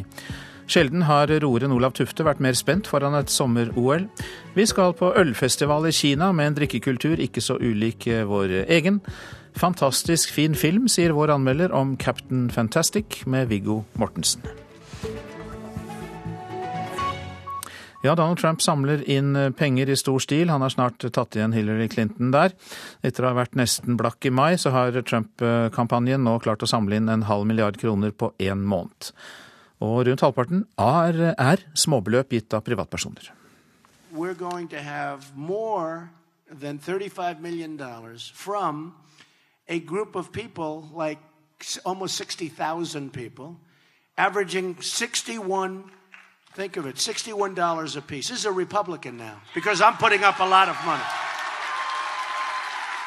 This doesn't happen to Republicans. Vi har fått inn mer enn 35 millioner dollar fra nesten 60 000 bidragsytere. I snitt har de gitt 61 dollar. Dette skjer vanligvis ikke med republikanere. Det sa Donald Trump under en valgtale i Florida onsdag kveld. I mai var Trumps valgkamp nesten tom for penger, og det ble satt i gang en storstilt nettkampanje for å samle inn pengestøtte fra grasrota. Kampanjen ser ut til å ha fungert. I løpet av juli har Trump-leiren og det republikanske partiet fått inn hele 500 millioner kroner. Det opplyser Trumps økonomisjef i en pressemelding. Og Donald Trump har rett i at den republikanske presidentkandidaten sjelden får så mange småbidrag fra privatpersoner som det han selv har fått den siste tiden. Under presidentvalget i 2012 utgjorde små enkeltbidrag kun en fjerdedel av Mitt Romneys budsjett. Demokratene derimot har lenge hatt alle monner drar som sin innsamlingsstrategi. Godt over halvparten av Obamas budsjett i 2012 kom fra småbeløp. Men selv om Trump har samlet inn mye på kort tid, har han fortsatt et stykke å gå før han tar igjen Hillary Clinton. Hun samlet inn hele 750 millioner kroner i juli, og har mer på bok. Men det trengs, for i den amerikanske valgkampen får pengene ben å gå på.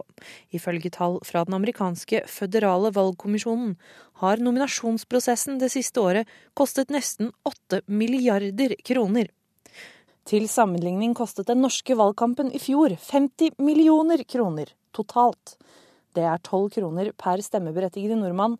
I USA har de allerede brukt mer enn 50 kroner per stemme, og fortsatt er det tre måneder igjen. Reporter Hanna Klingberg. Og Hilmar Mjelde, USA-ekspert og forsker ved Uni Research eh, Rokkan-senteret. God morgen til deg. God morgen. Du er med oss fra Bergen. Ja, Trump har altså samlet inn over en halv eh, milliard kroner på én måned. Eh, mm. Hvordan har han fått det til? Det er to eh, primære kilder. Det ene er jo rike enkeltpersoner som donerer større summer. Og så har du mange helt ordinære folk, holdt opp å si vanlige folk, som gir mindre summer. Og det er jo 226 millioner velgere i, USA. Så det er potensielt en del å ta av her. Og så pleier òg interessegrupper og bidra med en del til eh, finansieringen. Men eh, Trump sin sum er ikke spesielt stor historisk. Eh, I bare september 2008 så samla Obama inn eh, en plass mellom 1 og 1,5 milliard kroner, altså bare på en måned. Og Hillary Clinton-leiren, de, de opererer med et budsjett på at det vil koste 16 milliarder kroner å bli valgt. Men uh, dette med sånne innsamlinger fra grasrota, er det et relativt nytt, nytt fenomen? Altså Du viser til Obama, og Sanders klarte også å samle inn mye penger på den måten? Det er ikke veldig nytt. Egentlig før Obama i 2008, så har du George W. Bush i 2004. Han og hadde òg en veldig godt organisert eh, valgkamp, selv om han eh, hadde mange større donorer. Så denne sånn type grasrotorganisasjon er generelt veldig viktig. Og eh, ja, Bush i 2004 og Obama i 2008 de har da utarbeida en slags sånn grasrotmodell som nå eh, eh senere kandidater prøver å etterape. Og republikanerne har spesielt hatt et behov for å, å få mer penger ut av grasrotet. Har det vist at det har hatt noe å si for resultatet? Paradoksalt nok eh, så har ikke pengene så mye å si for valgresultatet. Og det er pga. at begge kandidatene samler inn og bruker eh, omtrent like masse, eh, sånn, de, eh, sånn, at de nuller hverandre ut. Eh, men når en kandidat har et visst overtak i noen tilfeller, så kan jo den, den kandidaten kan selvfølgelig bruke eh, penger på flere valgkampaktiviteter. Eh, over et større geografisk område, og da nå flere velgere. Mens eh, de som har litt mindre penger, de må konsentrere pengebruken der den trolig gjør mest igjen. Det sies at Donald Trump må inn mot midten og fange velgere der for å vinne. har han klart å gjøre det, eller viser det seg at han fortsatt appellerer mest til protestvelgerne? Eh, det er det siste du sier der. Et landsmøte skal jo, eh, som de nå har hatt begge partiene, skal jo eh, både oppildne egne, som de alltid klarer, og så skal de eh, rekke ut ei hånd til nye velgere. Og det ser ikke ut ennå til at Trump eh, kommer særlig utover grunnfjellet sitt av hvite menn, typisk med mindre utdanning. Eh, så han sliter litt ennå. men begge partiene de, de, har, eh, de har, store velgermasser å ta av, altså sånn grunnfjell. Republikanerne det, ja, det er særlig eh, hvite folk, eh, konservative folk, mens demokratene har de etniske minoritetene og høyt utdanna hvite. Så begge partiene de, Det viktigste er tross alt å få ut alle sine egne, heller enn å, å vinne over de marginalt nye.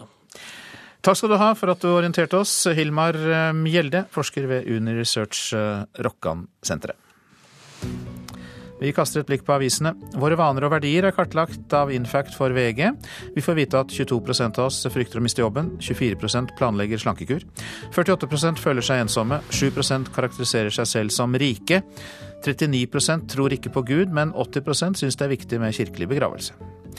Minstestraffen for voldtekt har økt fra to til tre år, men advokat Harald Stabel frykter at straffeskjerpingen fører til at færre blir dømt. Til Klassekampen sier han i dag at det høye straffenivået kan påvirke hvordan dommerne bedømmer skyldspørsmålet. Politikerne kan gjennom så strenge lover og straffer ha oppnådd det motsatte av det man ønsket, sier Stabel. Det er eh, så vanskelig å få studentbolig i Oslo at man må imponere på visning for å få tilslag, sier daglig leder i Leieboerforeningen Lars Aasen til Aftenposten. Se på visningen av bolig som et jobbintervju, sier han. Og det krangles om hvem som har skylda for at 7000 studenter mangler bolig i Oslo, skriver Dagsavisen. Manglende finansiering fra regjeringen, sier Arbeiderparti-byråd Tone Telvikdal. Mens boligdirektør i Studentsamskipnaden, Trond Bakke, sier plan- og bygningsetaten i Oslo er flaskehalsen. Avisa Dagen har besøkt landsbyen Al-Kush i det nordlige Irak, som slapp unna IS-angrep. Der har hundrevis av kristne familier søkt tilflukt. Det var 1,2 millioner kristne i Irak i 2003, nå er det bare 200 000 tilbake. Til bildet av en gruppe svenske turister foran Nidarosdomen forteller Adresseavisen om tidenes turistsommer i Midt-Norge. Rekorder står for fall. Hoteller, campingplasser, turisthytter og restauranter melder alle om stor aktivitet. Toppkarakter fra Mattilsynet, skriver Stavanger Aftenblad om sju av ti serveringssteder i Sør-Rogaland. Der får de altså smilefjes, mens det bare er fire av ti som oppnår det samme på Østlandet. Det er litt som å spille i Premier League, sier 23 år gamle Mathias Ville, som er en av de utvalgte i oljefondets trainee-program. Det kan vi lese om i Dagens Næringsliv. 900 søkte, men bare seks ble plukket ut. Nå får de mulighet til å jobbe i London, Singapore og New York, og i tillegg sponser oljefondet en ekstra masterutdanning ved en internasjonal eliteskole.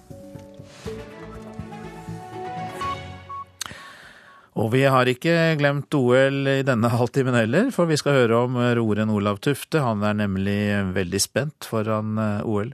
Grunnen er at veteranen har skiftet fra singelsculler til dobbeltskøller. Etter mange år alene så må han dele båt med en partner. Nervene er til stede, selv om dette er Tuftes sjette OL. Det er uh, egentlig litt deilig å være tilbake i OL. Og så føler jeg meg såpass god form at jeg gleder meg til å gå til ro. Det gjorde jeg nok ikke i London. Sommer-OL for fire år siden ble en stor skuffelse for den dobbelte OL-mesteren da han mislyktes i forsøket på å nå en finale i singelsculler. Før OL i Rio, som åpnes i dag, har han gått i par med Kjetil Borch. Det betyr en helt ny måte å tenke på, og store endringer. Jeg har nok gjort uh, mange ting som jeg har forandra litt på, ja. Det har jeg. Uh, for å klare å én komme i form. Uh, to gå i spann med Kjetil, som er bygd på en litt annen måte enn meg. Eh, så ja, det er ganske mange forandringer, eh, men det ser ut som det har slått positivt ut. Men Kjetil Borch har lang erfaring og har hjulpet og beroliget Tufte på veien til OL. Jeg har rådd dobbelt siden 2007 eh, og har mye erfaring fra den båtklassen. Så det som kommer på rytme og følelse i båten, der føler jeg at jeg har vært med og bidratt. Så vi får fått en god overgang fra singel til, til dobbel. Reporter Geir Elle, og du kan følge OL i Rio på DAB-kanalen NRK Sport og få høydepunkter i NRK P1 fra i morgen lørdag. Flere hundre tilhengere møtte opp da Thailands avsatte statsminister Yingluck Shinawat møtte for Høyesterett i dag. Hun er mistenkt for tjenesteforsømmelse etter å ha brukt milliarder av statlige kroner på et tilskuddsprogram for ris. Yingluck Shinawat risikerer opptil ti år i fengsel dersom hun blir dømt. Men hun har fortsatt stjernestatus blant tilhengerne, og flere hundre av dem møtte opp utenfor rettslokalet i dag. Thailands første kvinnelige statsminister er tiltalt i forbindelse med en innkjøpsordning for ris som skulle hjelpe landets fattige. Ordningen kostet staten milliarder av kroner, men Yingluck har forsvart avgjørelsen i ettertid. I 2014 avsatte de militære den sivile regjeringen til Yingluck Shinawat. Striden står egentlig mest om broren hennes, den omstridte tidligere statsministeren Taksin Shinawat, som ble avsatt i 2006, som nå lever i eksil. Thailand skal nå stemme over en militær grunnlov. Dette anses som den første testen av folkets oppfatning av militærets håndtering etter at de tok over makten i mai 2014. Utenfor Høyesterett ba Yingluk støttespillerne sine om å stemme i den omstridte folkeavstemningen som holdes i helgen. Reporter her, det var Arne Fossland.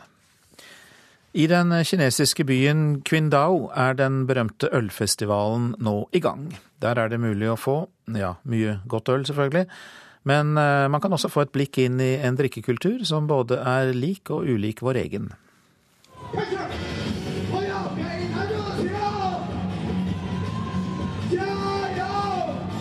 Den 29 år gamle Ren Juanchao står på scenen i det store ølteltet. På seks sekunder tømmer han 1,5 liter øl inn i kroppen. Men han er ikke ferdig med det. Neste del av konkurransen handler ikke om hastighet, men volum. Opp av det store fatet foran ham står det tre sugerør. Ren konsentrerer seg og begynner å suge. Når han kort tid senere må gi opp, er det 3,6 liter øl mindre i fatet. Ren, som ikke er profesjonell øldrikker, men ansatt i en bank i Sindao, og som bare har en moderat mage å vise frem, har vunnet kveldens konkurranse.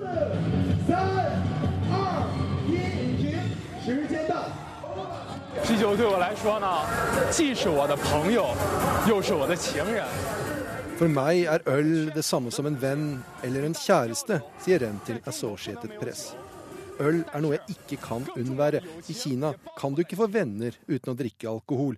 Det er limet som binder vennskap sammen, mener altså Ren.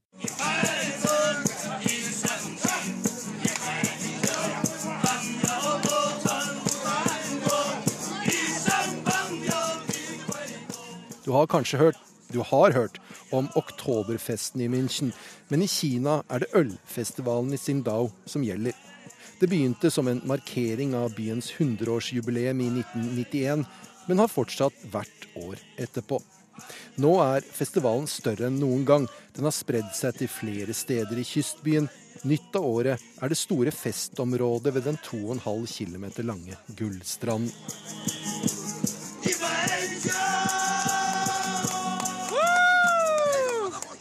好酒配好菜，让这趟青岛之旅画下舒畅的句点。 Her står teltene og festområdene tett ved hverandre, klare til å servere omtrent 600 tonn med øl til tilreisende og fastboende. Bak strandkanten ligger det hoteller, bl.a. et Hilton, som er en studie hva kineserne får til når det er nok penger tilgjengelig. Noen hundre meter bak hotellene står boligblokkene, tette skoger av 30 etasjer høye tårn. For det er mange som vil bo i denne delen av Qingdao.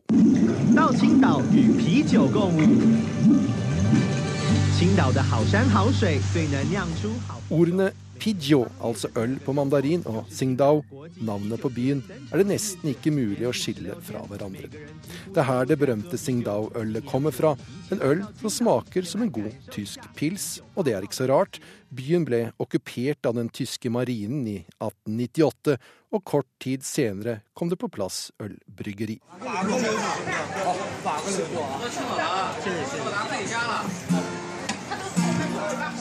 Det er Sindao-ølet som dominerer under festivalen, men det er også satt av plass til andre kinesiske øltyper og importert øl. For folk med mye penger liker å vise at de har råd til å kjøpe de dyre flaskene fra Tyskland, USA, Australia og andre land. Singdao-ølet har en markedsandel på 15% i Kina. Og det sier ikke lite. Kineserne drikker i overkant av 49 milliarder liter øl i året. Men de drikker det vanligvis på en litt annen måte enn det vi er vant til.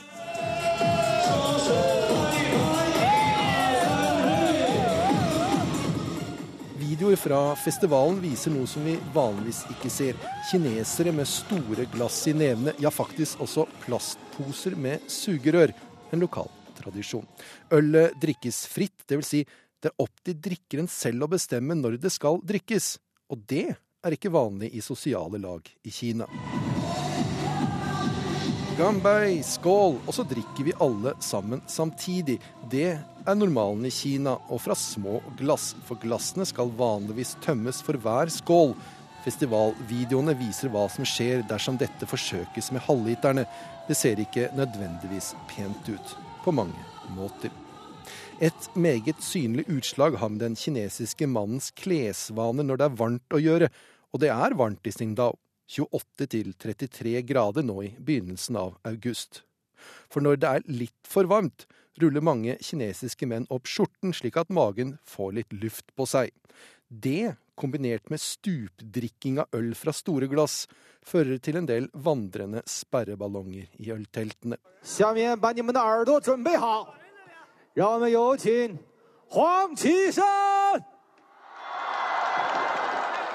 Men ikke misforstå, de aller, aller fleste kinesere drikker med måte, og mange av dem mener alkohol er et nødvendig onde. Det skader kroppen din, men kan være nødvendig for å skape tillit og vennskap. Og det var Halvard Sandberg som oppdaterte oss på kinesisk drikkekultur.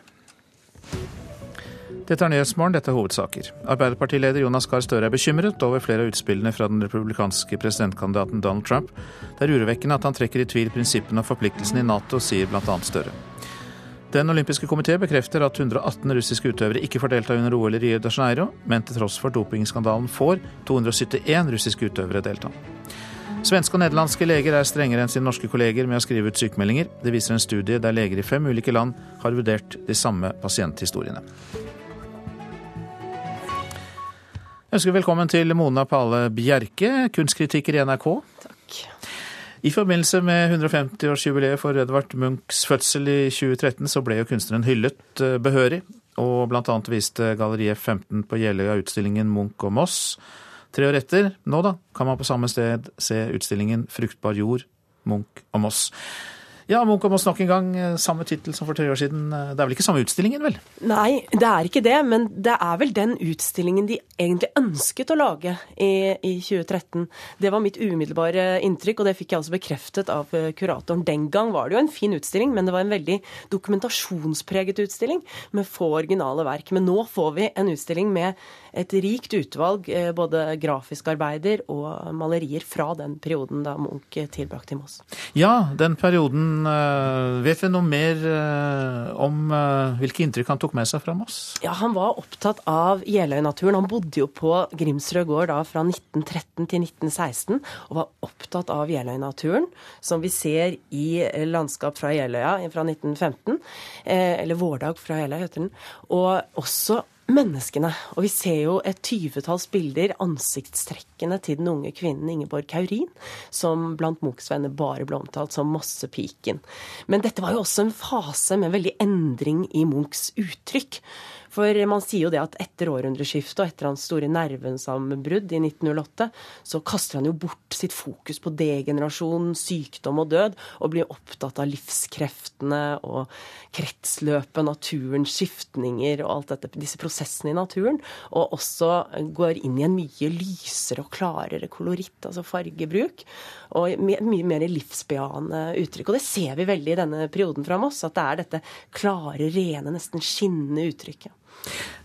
Er det noe du savner i utstillingen, eller er du fullstendig tilfreds etter å ha sett den? Et åpenbart fravær er jo hovedverket fra perioden 'Arbeidere på hjemvei', som er laget i to versjoner eh, fra 1913 til 1914. Men det er veldig forståelig at dette, disse verkene ikke er her, fordi de er så skjøre, eh, de er så dårlig eh, tilstand. Så verken Statens museum for kunst i København eller Munchmuseet var villige til å låne ut. Og de har jo da kompensert veldig fint for det på F15 ved å lage en video hvor vi som betraktere kan studere disse verkene veldig nøye. Dette er jo et motiv som er veldig sterkt og veldig viktig i perioden. Han var jo opptatt av dette ved Moss. Moss som en levende industriby forrige århundre. Og eh, nettopp hadde et stort verft og en cellulosefabrikk. Og vi ser disse ansiktsløse arbeiderne som strømmer mot oss. Det går et gufs av ensomhet og fremmedgjøring ut av dem. Oppsummert, Mona Pale Bjerke, er det en god utstilling? Jeg syns det er en veldig, veldig bra utstilling. Tusen takk skal du ha. Vi går inn i filmens verden. Danske Viggo Mortensen spiller eh, nemlig sin beste rolle på lenge i premierefilmen Captain Fantastic, som har norgespremiere i dag. Det mener i hvert fall NRKs filmkritiker Birger Vestmo. Han syns det er blitt en fantastisk film om en far som eh, selv underviser sine seks barn i et hus i skogen. What we created here may be unique in all human existence. All the way to top. We created a paradise. Captain Fantastic høres kanskje ut som en superheltfilm, men bak tittelen finner vi et nydelig drama om en uortodoks families møte med det moderne samfunn. Manusforfatter og regissør Matt Ross har skapt en vakker og rørende skildring av forholdet mellom en far og hans seks barn. Viggo Mortensen spiller en av sine beste roller på lenge, mens også barna portretteres av talenter som fremstår ekte og naturlige. Captain Fantastic er kanskje en litt naiv hippiedrøm, men det er en fantastisk fin film.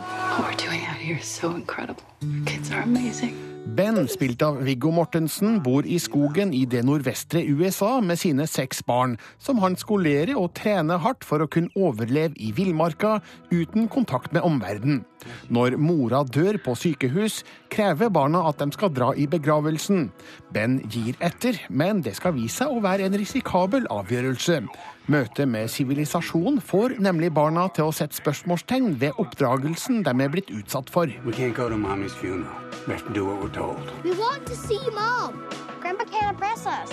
Viggo Mortensen spiller imponerende godt i hovedrollen. Ben er en sterk sjel, merka av omstendigheter som gradvis avsløres. Innledningsvis har han en fast overbevisning om at han gjør det rette for barna sine. Det gjør inntrykk når også han på et tidspunkt begynner å innse at ting kun har vært annerledes. En interessant kontrast til han får vi gjennom Frank Langella, som spiller faren til hans avdøde kone, og dermed bestefar til de seks barna. Han har en fiendtlig innstilling til Ben, men det ligger ikke ondskap bak, men en overbevisning om at barna trenger en tryggere oppvekst. Leslie had a disease. Wherever you are, stay there. You Captain Fantastic skildrer godt det sterke båndet som holder denne familien sammen, til tross for uenighetene som oppstår. Den sier noe om forholdet mellom foreldre og barn, og hvordan alle til slutt må løsrive seg. Mortensen og de unge skuespillerne er fantastiske. Manuset er varmt, morsomt og menneskelig. Regissør Matt Ross trykker nok på litt for mange knapper for å fremkalle tårene hos publikum. Men det største jeg har å utsette på filmen, er tittelen, for Captain Fantastic gir assosiasjoner til noe som denne filmen slett ikke er. Likevel, Captain Fantastic anbefales på det hjerteligste. They're going to be totally unprepared for the real world. And I happen to think the opposite is true. Og det var altså Birger Vestmo som um, anmeldte filmen. Hunder som luftes i barnehager. Aggressive hunder som løper fritt og rundt omkring, og usikkerhet rundt hva som er lov. Det skaper konflikter i båndtvangperioden. Politiet rykker ut for å løse dem, konflikten altså, mellom hundeeiere og folk som blir skremt. Hvis det er en hund som jeg tolker har en litt uh, aggressiv atferd, og hundeeieren ikke henter, henter, inn hunden, eller jeg opplever at den ikke har kontroll på hunden sin, så syns jeg det Da kan jeg bli litt skremt og gå liksom bue rundt. Det er båndtvang nå. For å spare dyra i skogen for unødsynt stress, må hunden være festa i bandet sitt fra 1.4 til og med 20.8. Men lova om hundehold handler vel så mye om hva ansvar hundeeiere har for at andre ikke skal bli skremt hva som skjer om hunden din biter noen, og områder i samfunnet det ikke er greit å lufte bikkja i. I Buskerud er flere titalls mulige brudd på hundelova meldt inn så langt i år. I tillegg kommer mange telefoner og e-poster med bekymringsmeldinger. Flere har fått bøter på flere tusen kroner allerede. Strafferamma for hundeeiere hvor hunden skader mennesker, er opptil seks måneders fengselsstraff. Men det meste handler om ubehagelige situasjoner, sier Jan Dystland, leder for operativ seksjon ved Drammen politistasjon. Man har kanskje vært ute og gått tur, og så møter man da en, en sinna hund. Det kan være en stor hund som man er redd for pga. størrelsen, eller en hund som, som fremstår som aggressiv. Hvor da den andre parten kan føle det som ubehagelig. Noen hunder er løse, og det er jo tydelig i hundeloven at eh, hundeeier skal jo ha ansvar for sin egen hund. Reporter var Idar Edvin Krogstad. Og vi nevner at vår sommergjest i den neste halvtimen er Aslak Borgersrud, tidligere vokalist i Gatas Parlament, kommentator i Dagsavisen nå, og som gir ut ny plate til høsten.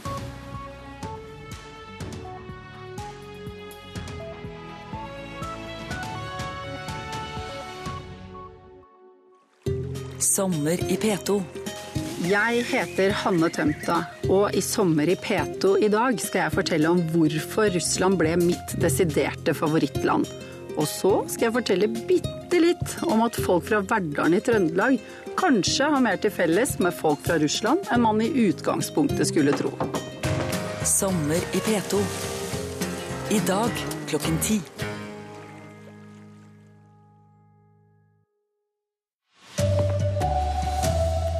Forsvarsadvokat Harald Stabøl mener Norge har for strenge straffer for voldtekt.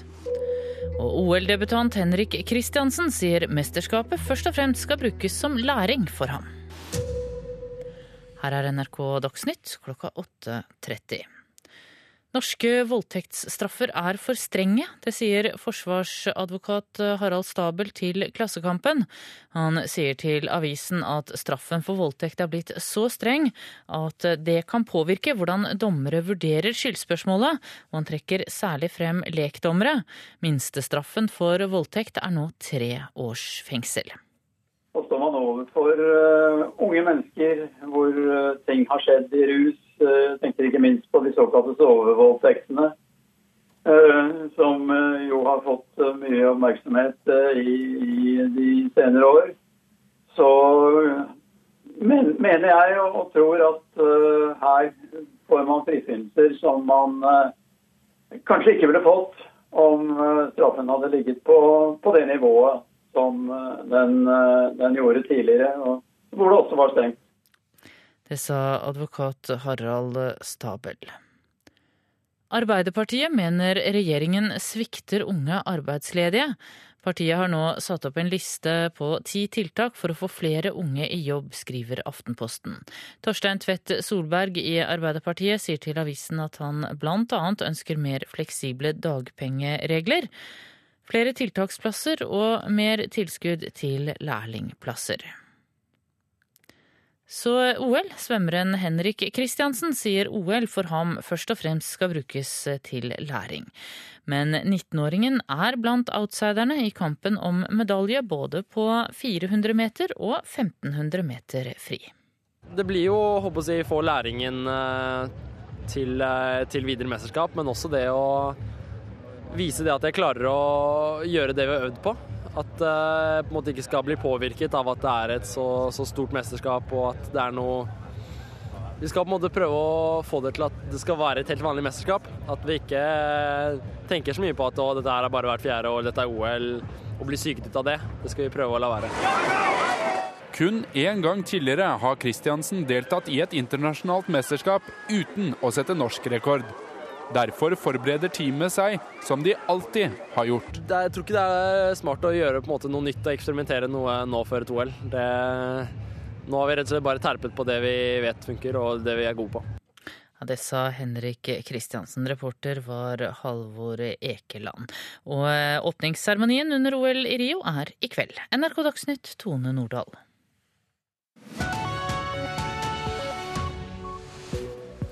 Toppkandidaten til partiet De kristne forsvarer terroren på Utøya. Politiet, nei, partiet ber han om å trekke seg. Det skal vi høre om straks eh, i Nyhetsmorgen. Svenske leger er strengere med sykemelding enn norske leger, viser internasjonal eh, studie. IS vil trolig fortsatt true både USA og Europa, selv om de blir nedkjempet både i Syria og Irak, sier USAs president Barack Obama. Og vår sommergjest er Aslak Borgersrud, tidligere vokalist i Gatas Parlament, nå politisk kommentator i Dagsavisen. Ja, det er partiet De kristnes eh, toppkandidat i Luster i Sogn og Fjordane vi skal snakke om nå. Han blir bedt om å melde seg ut av partiet fordi han forsvarer terroraksjonen på Utøya i 2011. I en melding på Facebook i forrige uke rettferdiggjorde denne politikeren ikke bare massedrapsmannens holdninger, men også handlinger. Sa til han at uh, hvis vi meldte han ut, så ble han ekskludert. Så jeg ga han friheten til å melde seg ut sjøl. Det sa han at han ville gjøre. Og eh, hvis noen skal på noen måte legge ut på Facebook noe som kan forsvare det Anders Behring Breivik gjorde, så har det ingenting i vårt parti å gjøre. Reinert Vigdal var listetopp til de kristne i Luster ved lokalvalget i fjor, og har i lang tid posta ytterliggående politiske innlegg på Facebook. Torsdag i forrige uke la han ut ei melding der han rettferdiggjorde Anders Behring Breivik sin massakre på Utøya 22.07.2011.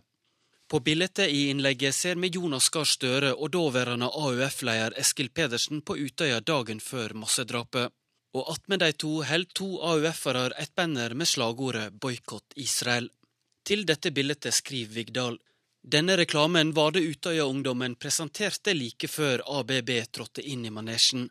Er det noe merkelig at ABB ville ha vekk dette? Jeg blir i likhet med de fleste av oss, blir jeg forbanna.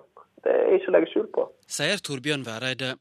Arbeiderpartipolitikeren er en av de som overlevde massedrapet på Utøya. Samtidig som jeg og vi blir forbanna, så holder vi jo fortsatt handa fast på rattet. Så For å sitere amerikanske politikere, så er det sånn at når de går lavt, så skal vi gå høyt.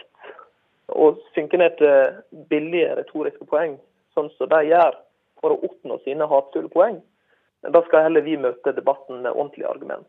Og vi skal vise at vi står sammen. På de fem åra som har gått siden massakren, har ikke Torbjørn Væreide brukt mye tid på å kommentere ytterliggående ytringer. Men én grunn til at han gjør det denne gangen, er at han mener å se at slike ekstreme utsegner har fått bedre grobunn både i Norge og i verden ellers.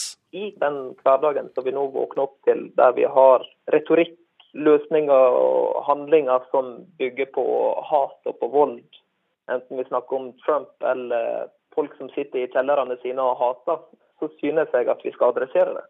For det er avskyelig å lese om mennesker som mener at andre mennesker skal dø. Etter at NRK kontakta fylkesleder Bjørg Sølvi Refvik i De kristne i forrige uke, har Vigdal meldt seg ut av partiet. NRK har i flere dager prøvd å komme i kontakt med han. I går ettermiddag sendte han en e-post der han ikke går inn i saka, men viser til fylkeslederen. Facebook har nå fjerna Utøya-innlegget hans. Men samme dag posta han ei anna melding, der han spør om det ikke var Jens Stoltenberg som lærte Behring Breivik å lage bomber. Fylkesleder Refvik, som òg er sentralstyremedlem i De kristne, sier at listetoppen aldri har vært aktiv i partiet, og mener at ytringene hans ikke har noe med de kristne å gjøre. Jeg syns det er på tide at eh, denne saka her blir tatt vekk fra vårt parti. Vi er imot alle former for terror. Vi forsvarer staten Israel sin rett til eksistens. Jødene sin rett til å bo der, hvis han er inne på den. Men uh, i vårt partiprogram vi, står jo absolutt ingenting om 22. juli. Vel, jeg har nesten blitt skutt. Jeg har sett døden i Kvitauget. Og det setter litt perspektiv på hva demokratiet betyr. Men på samme tid så har det også gitt meg en forståelse av at det er en del av disse personene som bøker om å drepe, enten det er muslimer eller sosialister eller lærere eller det ene eller det andre. At det er noen av de som faktisk er forberedt på å gå det ekstra steget og utøve vold og utøve drap. Og det at jeg har opplevd det ekstra steget der det går fra ord til handling, det gjør at jeg tar det på en ytterst alvor. Reportere her Noralv Pedersen og Bård Siem, og mannen som eh, da opprinnelig var satt opp som listetopp for de kristne, har nå meldt seg ut av partiet.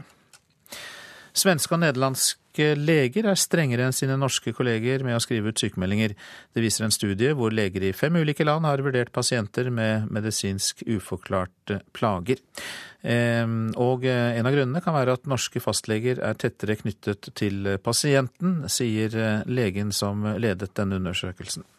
Det kan føre til eh, bindinger som eh, gjør det vanskeligere å la være å sykmelde når pasienten ber om det. Professor og fastlege Erik Werner har ledet et forskningsprosjekt som for første gang lar leger i fem ulike land vurdere arbeidsevnen til de samme pasientene. Skuespillere har framført sanne historier fra ekte pasienter på film, og ut fra det har legene tatt stilling til om de har villet sykemeldt pasienten eller ikke. Den pasienten som eh, i Norge, Frankrike og Danmark ville ha fått en sykemelding, vil med mindre sannsynlighet ha fått det i Sverige og i Holland. Hvorfor er det sånn? Når det gjelder Nederland, har de et helt annet system enn de andre. Der er det ikke pasientens fastlege, men arbeidsmedisinere fra forsikringsselskapet eller arbeidsgiver som bestemmer sykemelding. Det tenker vi nok kanskje også vil påvirke deres vurderinger av eh, sykemeldingstilfellene. For Sverige kan en forklaring være at allmennlegene der ikke er privatpraktiserende som får lønn etter hvor mange pasienter de har, men offentlig ansatte på fastlønn. Sa reporter Siv Sandvik. Og sentralstyremedlem i Legeforeningen og fastlege i Florø, Kjartan Olafsson, sier at det er viktig å finne gode løsninger sammen med pasientene. Han tror det er en bedre metode enn å være strengere. Ja, Det er jo ikke sikkert at det handler om å være streng, men det handler kanskje mer om å eh, bruke litt mer tid og krefter i dialog med pasienten. Altså finne gode løsninger sammen. Og gode løsninger de innebærer jo at man skal opprettholde aktiviteten så mye man kan. Holde seg i arbeid. Eh, involvere arbeidsplassen bedre. Legeforeningen har jobbet kontinuerlig med myndighetene de siste årene for å finne bedre verktøy og metoder for å, å øke kvaliteten i dette arbeidet. Nå sist så har vi samarbeidet om en diagnoseorientert beslutningsstøtte. som vi tror kan hjelpe. Ja, Du har deltatt i det arbeidet, og eh, de skal jo da gi denne faglige støtten til leger. Hvordan kan det bidra til at de blir flinkere da, til å finne alternativer til sykemelding? Vi tror at det, det, vil skje på to måter. Eh, og Først og fremst vil det skje når vi får integrert dette verktøyet i vår eh, arbeidsflate, når vi sitter med pasienten i vår journal. Det vil være at man kan slå opp der hvor man er usikker. Særlig kanskje unge leger lurer på hvor lenge kan man være sykemeldt etter en brokkeoperasjon. Er det farlig å ta i og løfte etter en uke osv.? Det kan du slå opp og få faglige råd. Og det andre er jo at skal man lage disse gode dialogene med pasientene, så må man kanskje ta opp noe og se på det sammen. Kan man titte på det som står om eh, en diagnose, diskutere det, finne løsninger kanskje på en annen måte enn tidligere. Dette er Nyhetsmorgen, og vi har disse hovedsakene. Partiet De Kristne ba toppkandidaten i Luster i Sogn og Fjordane om å melde seg ut av partiet, fordi han har forsvart terroraksjonen på Utøya i 2011. Arbeiderpartileder Jonas Gahr Støre er bekymret over flere av utspillene fra den republikanske presidentkandidaten Donald Trump. Det er urovekkende at han trekker i tvil prinsipper og forpliktelser i Nato, sier Støre. Den olympiske komité bekrefter at 118 russiske utøvere ikke får delta under OL i Rio de Janeiro, men til tross for dopingskandalen får 271 russiske utøvere grønt lys.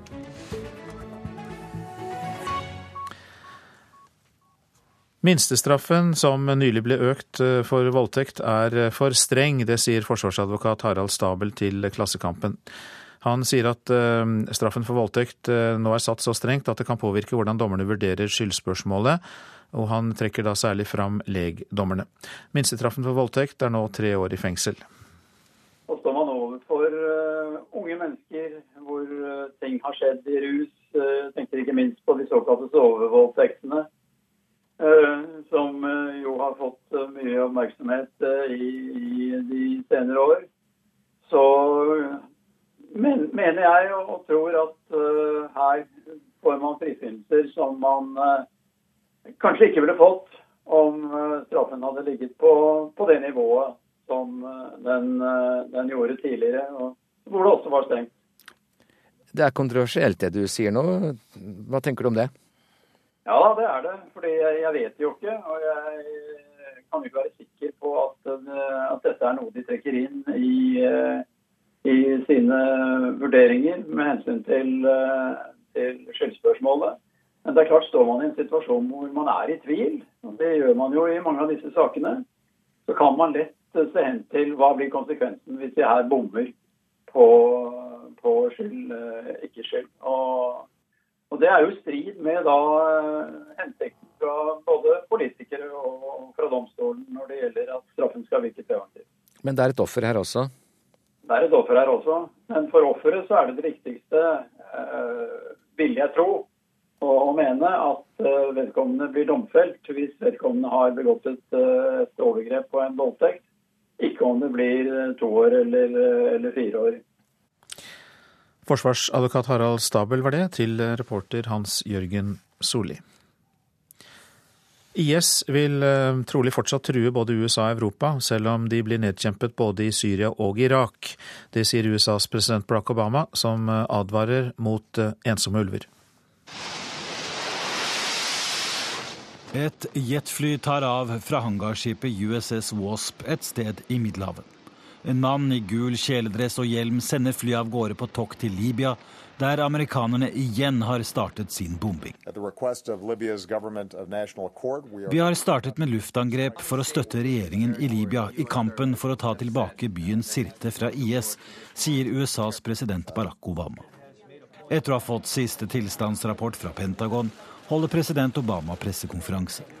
Selv om USA klarer å bekjempe IS i Irak og Syria, så er det alltid en fare for ensomme ulver, ifølge Obama.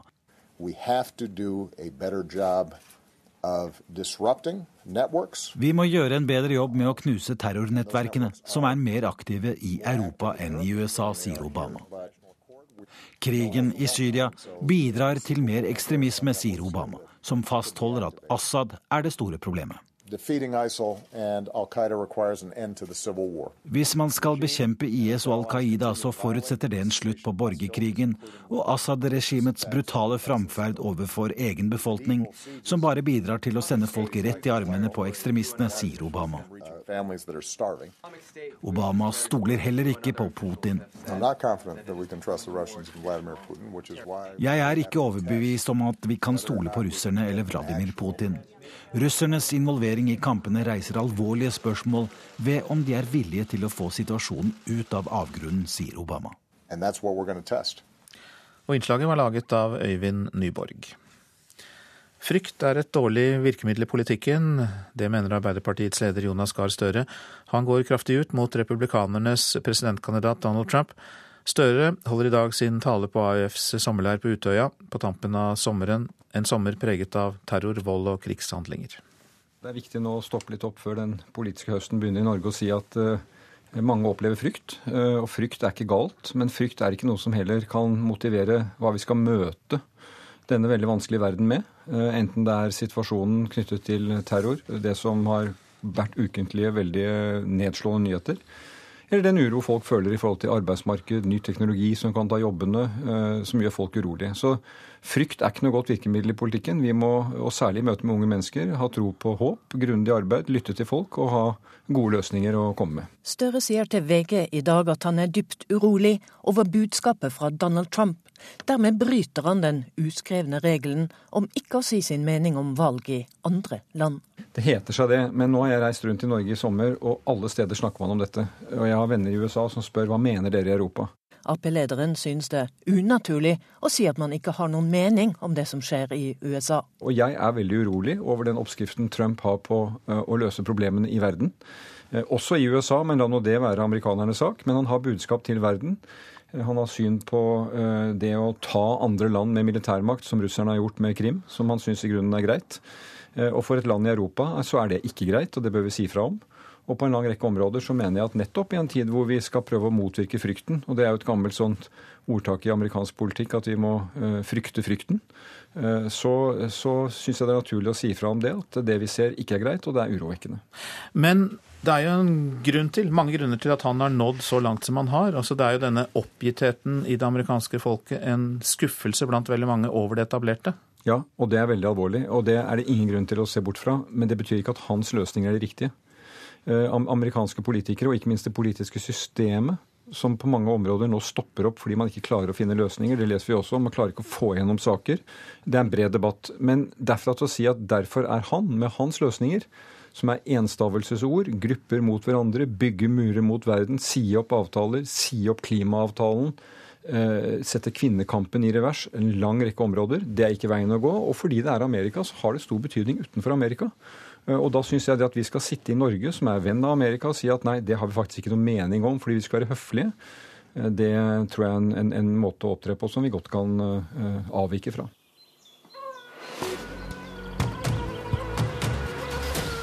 Dagens sommergjest. Ja, det er uh, siste sommergjest i år. Uh, Aslak Borgersrud, velkommen. Tusen hjertelig takk. Det er en ære ja, og, å være den siste. Ja, ikke sant. Liksom runde av sommeren. Ikke sant? Det er din jobb. Ja. Um, mange kjenner deg jo som tidligere vokalist i den venstreradikale gruppa Gatas Parlament. Yes. Du er politisk kommentator i Dagsavisen nå, og så gir du ut plate. Musikken har du ikke gitt deg med. Det er valgfritt å irritere seg. Um, vi skal snakke om den, men aller først, uh, har det blitt noe ferie på deg da, siden du skal gi ut plate? Ja, jeg, har spart, prøvd å spare litt, da, sånn at jeg skal ha tid til å du vet, uh, reise rundt og spille konserter og gjøre ablegøyer. Men, uh, men litt, litt, ferie har det blitt. Ja, Du har spart opp fri for å kunne reise rundt? Ikke sant. Ja, ikke sant? Men jeg har jo selvfølgelig måttet, måtte løpe gatelangs, bruke ferien på å løpe gatelangs og, og samle små japanske figurer, jeg som alle andre. Oh. Hvorfor det? Jeg gjør ikke det, skjønner du, så jeg lurer på hvorfor du går rundt og, og pokémoner. Oh ja, nei, det er, det, det er, Dette har jeg en veldig um, finurlig grunn til. Det er fordi det er gøy. Jaha. Ja, ja nei, det, det, det, er faktisk gøy. Ja, det, det er en ganske god begrunnelse, egentlig. Ja, er det ikke det, da? Jeg syns liksom livet helst skal være gøy, og særlig sommeren. Hva er gøy med det?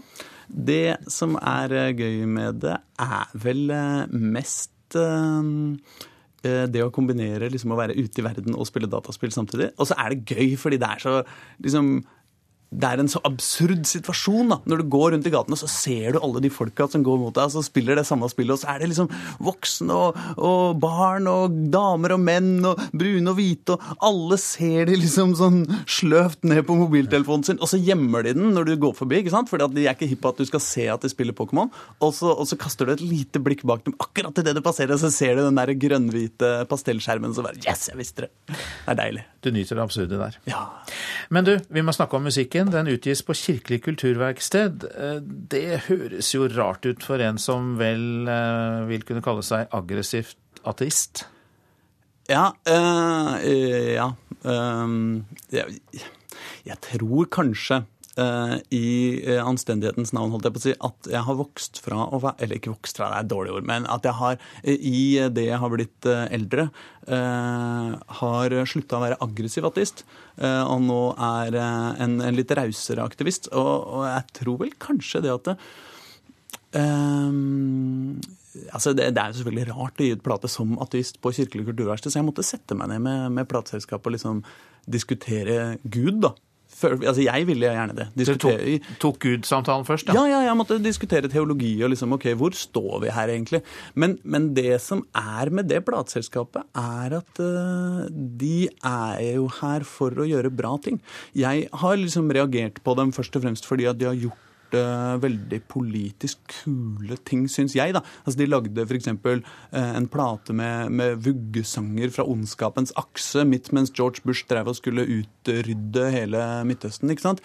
Uh, de gjør mange veldig veldig fine prosjekter knytta til Palestina og, og, en masse sånne ting. Og, og, og da er det noe med at det, når noen gjør så mye bra, så, så uh, tror ikke jeg noe på at det gjør de av, av på en måte uh, overnaturlige grunner. Jeg tror de gjør det fordi de mener at verden bør bli bedre. Og dette er jeg enig med Kirkelig kulturverksted i. Og da uh, gidder ikke jeg å irritere meg over deres over våre uenigheter på, i teologi, teologiske spørsmål. Vi må få med oss et uh, klipp fra, fra låta, altså en av de som kommer ut nå, 'Kaffe og røyk' når snart blir å se, skal jeg juble og le. Jeg skal gi han en klem og servere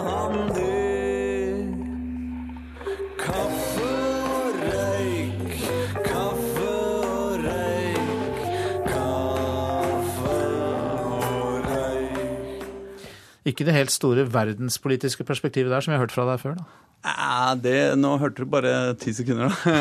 Eh, det kan være at det var eh, mer, eh, mer politikk der enn en du ante først. Ja. Men, men det, altså Jeg har slutta å rappe, da. ikke sant? Og begynt å synge isteden. Og, og i det For meg så var det litt sånn frigjørende, da. Jeg kunne plutselig skrive låter på en helt annen måte, følte jeg. Det kan være det er bare innbilning. Kanskje jeg kunne gjort det samme med rapp. Men jeg når jeg slutta å rappe og begynte å gjøre noe jeg egentlig virkelig ikke kan, ikke sant? Eh, synge sanger, eh, så, så gjorde det at jeg begynte å skrive helt andre tekster. Og det syns jeg var gøy. Uh, og så måtte jeg liksom holde det hemmelig for både meg sjøl og alle jeg kjente i liksom et, fem år, fordi jeg var litt flau over å skrive sanger. Men, uh, men så, så, skjønte jeg til slutt at uh, dæven, dette, dette tror jeg kanskje folk har godt av å høre. Vi, det blir spennende å se. Aslak Bergersrud, tida går så altfor fort. Helt til slutt, helt kort, hvorfor tittelen 'Det er valgfritt å irritere seg'? Nei, egentlig så er det slags, eh, en slags huskeregel for meg sjøl. Um, eh, og som ved å gjøre det til albumtittel, så blir den så viktig i mitt liv at jeg er nødt til å huske på det. At uh, det er uh, Man må tenke over hva man gidder å bruke tida si på her i livet. Og aller helst vil jeg selvfølgelig at det skal bli et, uh, et slagord som folk avfeier hverandres tåpelige argumenter med hele året. Den tar vi med oss videre. Takk skal du ha, Aslak Borgersrud. Og nå eh, skal vi snakke om været, både med meteorologen etter hvert, men også om at det har vært mye ustabilt vær og mange som har kasta seg på sydentur i siste liten. Hos G Travel reisebyrå i Porsgrunn så har de hatt hendene fulle. Vi har mye bestillinger om dagen, men hvorvidt de er rester i forhold til pris, så er svaret nei. Eh, det er rester som er veldig veldig attraktive, så prisene er sånn forholdsvis høye, vil jeg tro, for sesongen. Det sier Nina Bjørne Haugen i G-Travel i Porsgrunn. Bjørnø er alene på jobb, men hun kjeder seg ikke. Hun får inn bestillinger i lokalene deres, men også på mail og telefon. Veldig mange vil ut og reise. Veldig mange er lei av uh, ustabilt vær og vanskelig å planlegge for uh, ferie i Norge. Flest bestillinger nå er via mail uh, og telefon. Jeg tror fortsatt er det mange som er på ferie et eller annet sted, så de har ikke anledning til å komme inn på kontoret vårt. Eh, så nå for, for sommermånedene så er det mest via mail og telefon. Ja. Og det er noen reisemål som er mer populære enn andre. Akkurat nå er det Middelhavet. Eh, fortrinnsvis kanskje Hellas. Da tenker de at de er i hvert fall garantert og varme. Og utover det så er det hva er ledig fortest mulig. Det er det de spør om. De komme, det er ikke uvanlig nå om dagen at de sier i løpet av en dag eller to hva er ledig. Ehm, da kommer ofte pris litt lenger ned på lista av eh, kriterier. Kommunikasjonsrådgiver i Apollo, Beatrice Rivera, sier at de ikke har like mange restplasser som tidligere år, men at det likevel er mange etternølere. Det går litt reiser unna, men det er eh, færre restplasser i år enn hva det har vært tidligere. Det har det. Jeg tror det kommer litt av at folk ventet veldig lenge i fjor på å bestille sommerferien, mens i år så merket vi en ekstremt stor pågang i januar og like etter 17. mai. Så jeg tror veldig mange har lært litt av fjoråret, fordi da var det jo nesten ingen restplasser igjen. Eh, og den, det ville de ikke risikere i år. Så da har flere bestilt tidligere, rett og slett. Rivera sier at de som kaster seg på en reise i siste liten, ikke er særlig opptatt av pris. Det er fortsatt kvalitet som trumfer uh, prisbevisstheten vår, men, men, nå er det såpass lite å velge mellom igjen altså at de fleste tar det som på en måte er. Reporter her, det var Anniken Vatne Olsen. Ja, Bente Wahl, statsmeteorolog, velkommen. Jo, takk for det. Ja, Er det noen som uh, slipper å løpe til reisebyrå og bestille uh, sydenferie, altså som får bra vær i helgen? Ja, det blir ikke noe strandvei, det blir det ikke. Men greit turvei, det vil jeg si det blir. I hvert fall nordpå, de får kanskje det fineste været. På Spitsbergen derimot, der blir det omtrent som det har vært, med noen spredte regnbyger i nord og vest, ellers oppholdsvær, og temperaturen ligger på en rundt 7-8 grader. Troms og Finnmark, her blir det mye oppholdsvær og en del sol. Eh, I indre strøk vil det nok komme noen spredte ettermiddagsbyger i dag, kanskje også med torden. Og på kysten litt eh, større fare for noen tåkeskyer som drar seg inn, særlig først på dagen. Ellers blir det stort sett rolige vindforhold. Temperaturer omtrent som i går, og Tromsø får da rundt 16-17 grader. I Nordland blir det også mye oppholdsvær og sol, men øker på med ettermiddagsbyger på Helgeland og i indre strøk, også her kanskje med torden. Og nordøst eh, frisk bris på kysten. Her blir det litt kjøligere enn det det var i går, men eh, fortsatt litt over 20 i indre strøk. Møre og Romsdal og Trøndelag, her blir det også noen byger. Flest byger i Nord-Trøndelag og i indre strøk, kanskje også torden. Det blir det størst sjanse for i Trøndelag. Og temperaturene blir nok litt lavere enn de var i går, hvor Trøndelag hadde opp i 24, nesten 25. Vestlandet sør for Stad, her slipper man i hvert fall noe byger i ytre strøk. Kan komme noen spredte byger i indre strøk, med temperaturer på en 17-18 grader. Østafjells og i fjellet, her får vi nok aller flest byger. Det vil være ganske skyet vær med regn og regnbyger. Kan også komme litt torden, men noe gløtt av sol, i hvert fall utover ettermiddagen. Kanskje litt høyere temperatur enn i går, og kanskje kommer vi opp igjen 2-23 grader på de varmeste stedene i ettermiddag. Mange takk skal du ha, statsmeteorolog Bente Wahl. Da kan vi fortelle at ansvarlig for eh, nyhetssendingene på morgenen var Arne Fossland, og produsent for Nyhetsmorgen Elisa Heisel Asbjørnsen. Teknisk ansvarlig Vegard Tidslevold, og eh, her i studio Øystein Heggen.